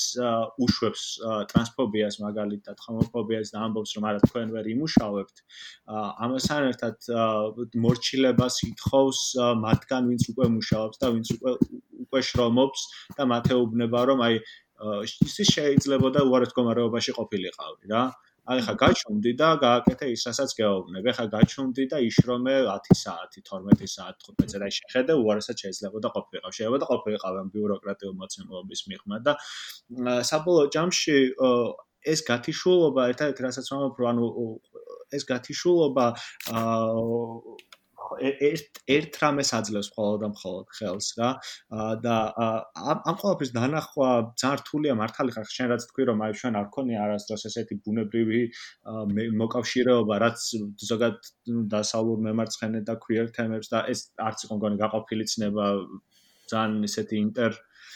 შეერთებული იყო ერთმანეთთან, ხომ ეს ბრძოლები. ესეთი რამის გამოსილება ჩვენ მართალია არ გვაქვს და აი ასეთ საკითხებზე ხაზგასმით თუნდაც რომ შევეცადოთ დავინახოთ საკითხები გაცილებით უფრო ვრცელ და ასევე გაცილებით უფრო ვიწრო შემთხვევებზე საბოლოო ჯამში რაღაცნაირად უნდა მოახერხოთ რომ თუ არ გვაქვს ტრადიცია კი არ გვაქვს მაგრამ დავიწყოთ ეს ტრადიცია ხო? ან რაღაცნაირად აი თუნდაც მადონას ინტერვიუც იყო ძალიან კარგი პირველი ნაბიჯი ჩემი აზრით და რაღაცნაირად შეიძლება რომ გავაძლიეროთ, უნდა მივიტანოთ მესიჯები, უნდა მივიტანოთ ხმები ერთი მეორის ჯგუფებში, რომ შეგვიძლია რომ გავაძლიეროთ ერთმანეთი და შეგვიძლია მხოლოდ და მხოლოდ რომ დავეხმაროთ იმაში, რომ ერთმანეთს რომ მივახციოთ საბოლოოდ გამარჯვებას ბრძოლაში, რომელიც არის ბრძოლა ჩვენი იმისთვის, რაც გვეკუთვნის, რა, იმისთვის, რაც წაგვართვეს, იმისთვის, რაც ვიღაცებს რამდენიმე 1% თუ 10 ადამიანს რაც კიდე დაარქვით, იმათ აქვს ხელში ჩაგდებული და ასე გაფაციცებით ცდილობენ რომ ბოლონდე შეინარჩუნო რა და რაღაცნაირად თუ შევძლებთ რომ ამ ტრადიციას დავიწყებ ჩემი აზრით საბოლოო ეპიზოდი ბოლოსკენ რომ წავყვან სამ შენთან გადმოვანათ ასე თქვით ხო? თუ შევძლებთ ამას რომ თუ არის რაღაც გარკვეული ბარიერები, ეს ბარიერებიც გადავლახოთ, დაველაპარაკოთ და დავიწყოთ გააზრება და ხელის ჩამართვა ერთმანეთის გადახვევა და საბოლოო ჯამში ბრძოლების გაერთიანება, ჩემი აზრით იქნება საუკეთესო, რაც შეიძლება გავაკეთოთ ერთმანეთის თამისთვის რა. ხო, ანუ კიდევ ერთხელ მე ვიტყოდი რომ დღეს თუ საუბრობთ მართლა იმ პოლიტიკის შექმნაზე რომელსაც ვერ ვერ გვთავაზობ საერთოდ იმ პოლიტიკურ ელიტაში იქნება ეს ხელისუფლების ხელისუფლებაში მყოფი პოლიტიკურ ელიტაში თუ მის ოპოზიციაში მყოფ ელიტაში ასევე განსხვავებული ნეოკონსერვატული თუ ნეოლიბერალური პოლიტიკური დღის წესრიგით ეს შეიძლება დაისახოს და ეს არ არის სამწუხაროდ ასეთი მარტივი არც queer ჯგუფებისთვის როგორც ვხედავთ ჯერჯერობით სამწუხაროდ არც მემარცხენე ჯგუფებისთვის რომ სწორედ აი ეს ამ ორი რაღაც ნეოლიბერალური ნეოკონსერვატული ეს შემდეგ დღის წესრიგების მიერ შემოთავაზებული დახლეჩები და რაღაც ხელოვნური დაპირისპირებები ცოტა კი თითქოს ამაზე ვლაპარაკობთ, მაგრამ ხო, უფრო მეტი უნდა ვილაპარაკოთ და ხო, აი ამისგან თავის თავის დახსნის და იმ საკითხების დახსნის ცდელობა უნდა იყოს, რომელიც რაღაც საშუალებას მოგცემს, რომ ვისაუბროთ კიდევ ერთხელ არა რაღაც ცალკეული ჯგუფების ინტერესებზე, არამედ საზოგადოებაში ამ როგორ მოქმედებს ეს სისტემური და სტრუქტურული ჩაგვრები საზოგადოების სხვადასხვა ჯგუფებზე, რომელიც შეიძლება იყოს გადამკვეთი ადამიანები, რომლებიც თავის თავში განიცდიან სხვადასხვა ტიპის ჩაგვრას თუ არ ვიცი მიეკუთვნებიან ერთ ჯგუფს თუ მიეკუთვნებიან სამ ჯგუფს რომელიც აა გარიყულია და აქ შეიძლება იყოს რაღაც ეთნიკური, რელიგიური თუ სექსუალური უმცირესობები, როგორც ამას ვამბობთ, იმიტომ რომ დღეს დომინანტური დღის წესრიგი მიუხედავად მარცხნიდან მოგვიწოდებათ ის მარჯვნიდან, ისევ ცდილობს რაღაც ერთი უნიფიცირებული იდენტობის შექმნას. არ ვიცი, შეიძლება ლიბერალური ჯგუფის მიერ იყოს დასახული როგორც თითქოს და პროგრესული სუბიექტი, რომელიც არის ну თავად ჰომოსექსუალი თუ არა თქვა ხარდამჭერი და არის რაღაც პროგრესული დასავლეთისკენ მიმავალი სუბიექტი, რომელსაც უბრალოდ უნდა ცივილიზებულ საზოგადოებაში ცხოვრება და არ უნდა ეს რაღაც ჩამორჩენილი მოდერნული საზოგადოება, ეს ნუ რაღაც არ ვიცი ფაშისტური დაყოფა, რომელიც მოგვეწოდება ამ ამ იდეოლოგიის ჯგუფიდან და სწორედ ამაში არის გროტესკი, როცა აი ასეთი ჯგუფები დღეს ლაპარაკობენ პოლიტიკური შინაარსისგან დაცლილ რაღაც ლგბტ უფლებებზე, როცა როცა მეორე მხრივ ისინი საერთოდ უარყოფენ რაღაც სოციალური პოლიტიკის საჭიროებას ქვეყანაში, ადამიანები რომიც გეტყვიან რომ რაღაც არა ბაზარი უნდა იყოს სრულად თავისუფალი და გადასახადი არ უნდა კონდეს ბიზნეს და რაღაც არ ვიცი შრომის უფლებები და შრომის კოდექსის არ არის საჭირო და ეს არის რაღაც ხელის შეშლა. იმ სოციალური დარვინიზმის გადარჩევისთვის, ასე ვთქვა და თან მეორე მხრივ სრულად ინსტრუმენტალიზებულად იყენებენ ან ლგბტ უფლებებს, ანუ უნდა ჩავყვეთ აქ, არ ვიცი მე როგორ შეიძლება შევიდეთ ამ ადამიანებთან რაღაც დისკუსიაში თუნდაც, იმიტომ რომ ეს ისევ და ისევ არის ის პოლიტიკა, რომელიც ჩვენ მოგვეწოდება იმ ელიტების ხელში მყოფი მედიების მხრიდან თუნდაც, რომელსაც ისინი სრულად აკონტროლებენ და ჩვენ არ გვაქვს იმდენი არც ფინანსური, არც მედია ინფორმაციული რესურსი თუ არხები რომ წავართვათ მას მათ ამ საკითხებზე დღის წესრიგის შექმნის რაღაც არ ვიცი უფლება თუნდაც იმიტომ რომ ეს არის სრულიად გამორიცხული და ალოგიკური და ნუ მეორე მხრივ რაღაც ვებრძოლოთ სხვა სხვა პრობლემებს, რომელიც კიდევ კიდევ და კიდევ არ მოდის რაღაც ერთი ჯგუფისგან, არ მოდის რაღაც ერთი ჰომოფობების ჯგუფისგან, არამედ ეს არის პრობლემა, რომელიც ძალიან ღრმად არის გამჭდარი მართლა ყველა სფეროში სამართლიდან და პოლიციიდან დაწყებული იქნება. ანუ პოლიცია არის როცა ვლაპარაკობთ რაღაც სახელმწიფო ინსტიტუციებზე, ხო, იქნება სასამართლო თუ პარლამენტი თუ პოლიცია მაგალითად, როგორ ხვდებით თუნდაც ამ სისტემებში და ამ სისტემების მიერ ნაწარმოებ ჰომოფობიურ თუ სექსისტურ პოლიტიკას რა, რაც ანუ ძალიან გადაჯაჭვული არის ეს და მრავალშრიანი არის ეს პრობლემები და არ შეიძლება რომ მემარცხენე კრიტიკა თუ მემარცხენე პოლიტიკა მოექცეს ამ ვიწრო დისკურსში, რომ ისევ რაღაც დასახოს ეს რაღაც იდენტობის პოლიტიკა დასავლეთიდან შემოსულ რაღაც დღის წესრიგად და არ გაიაზროს რამდენად მრავალშრიანი არის აი ამ ტიპის ჩაგვები ჩვენ სახელმწიფოში. თუ ზოგადად რა. ხო, აა ნელ-ნელა დავთავროთ, ხო და ცხადია მიხედავთ ცოტა ამბიციური კითხვები კი დავსკი, ცხადია მეც ხვდები რომ ეს ამ ამ ეპიზოდში ჩვენ რაღაც პასუხებს რა თქმა უნდა ვერ შეთავაზებთ მენელებს, ჩვენ სავარაუდოდ კიდე დიდხანს აა მოგვიწეს იდენტობის ამ პოლიტიკის გარშემო საუბარი, სხვადასხვა თემებზე საუბრისას, ასევე იდენტობის პოლიტიკის პარალელურად თუ იდენტობის პოლიტიკის მ არ ვიცი რა დავქოთ ჩერდილში თუ იდენტობის პოლიტიკის ფონზე ცხოვრება ხო, იმიტომ რომ დღეს ძალიან დიდი წილი მით უმეტეს ინტერნეტში არის რაღაცნაირად ამის გავლენის ქვეშ და საერთოდ კიდე და კიდე უფრო მნიშვნელოვანი გახდება ამ რაღაცა დისკურსებთან პროდუქტიული მიმართებების, პროდუქტიულობის პონის აუცილებლობა, ეს საუბარიც ცხადია ამას ეწუნებოდა და ცხადია გავაგზავნებთ ამაზე საუბარს. ნათან ძალიან დიდი მადლობა სტუმრობისთვის და ძალიან ბევრი საინტერესო თემის წამოჭრისთვის, რომელზეც ცხადია კიდევ ბევრი სხვადასხვა ფორმით იმედია გავაგრძელებთ საუბარს. მადლობა, მადლობა თქვენ. და კი, ნუ ნამდვილად იმის გათვალისწინებით, რომ რადგან წერან და მთელი შეხვედრის განმავლობაში ვისაუბრეთ, ძალიან მნიშვნელოვანია ამ ფორმატებში მოგვეცეს საშუალება, რომ ვისაუბროთ საკითხებზე, რომელიც არ იქნება მოწოდებული როგორც რაღაც დომინანტური მედია თუ პოლიტიკური ინტერესის ჯგუფების მიერ და დასმული მათ მიერ რაღაც როგორც განმანთავისუფლებლად დღის წესრიგად თუ ესე შემდეგ. მადლობა დიდი. ძალიან დიდი მადლობა. ძალიან დიდი მადლობა რომ მოგვისმინეთ. დისკუსია რა თქმა უნდა უნდა გავაგზავნოთ, ჯერ შეგვიძლია ჩვენ ჯგუფშიც გავაგზავნოთ, მაგრამ ძალიან გავიხარდება თუ გამოხმაურებებს სხვა პოდკასტებში, სხვა სტატიებში და სხვა მედიუმებზე ვნახოთ, თუმცა ყველა იატაკქვეშა მედიუმებზე, რა თქმა უნდა. ხოლო არ გვიყვარს ესენი establishment-ის მიერ დაფინანსებული რაღაცაა. ხო, ნუ ეს უბრალოდ შეუძლებელია რა, establishment-ის მიერ შემოთავაზებული პლატფორმა, მიუხედავად იმისა, რომ არის მცდელობები დღეს, ამისა, რომ რაღაც თითქოს გაჟღერდეს, თუნდაც ქვიარ პრობლემებზე საუბარი, შეუძლებელია უბრალოდ რომ ან საშუალება მოგცეს, აი ასეთი მხრიდან კრიტიკა გაშალო, იმიტომ რომ ეს უკვე მისთვის ვეთ თვით კრიტიკული იქნება და ეს უბრალოდ არ დგას მათ ინტერესში.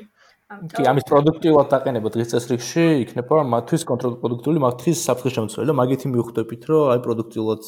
ვაწარმოებთ ამ კრიტიკას, რომ აი ეგის ლოგის მედიები იგრძნობენ საფრთხეს და ვეღარ შეძლებენ ამის რაღაც ინსტრუმენტალიზაციას ძალიან ადვილად. კი, ნამდვილად, ნამდვილად. ძალიან დიდი მადლობა ძალიან საინტერესო საუბრისთვის, მეგობრებო. აა ძალიან დიდი მადლობა მოსმენისთვის, ჩვენს მენელებს და გავგზავნოთ საუბარი ჯგუფში. აა ჩვენ ახალ დაგამშვიდობებით. ახალ მოვალ შეხვედრამდე. კარგად.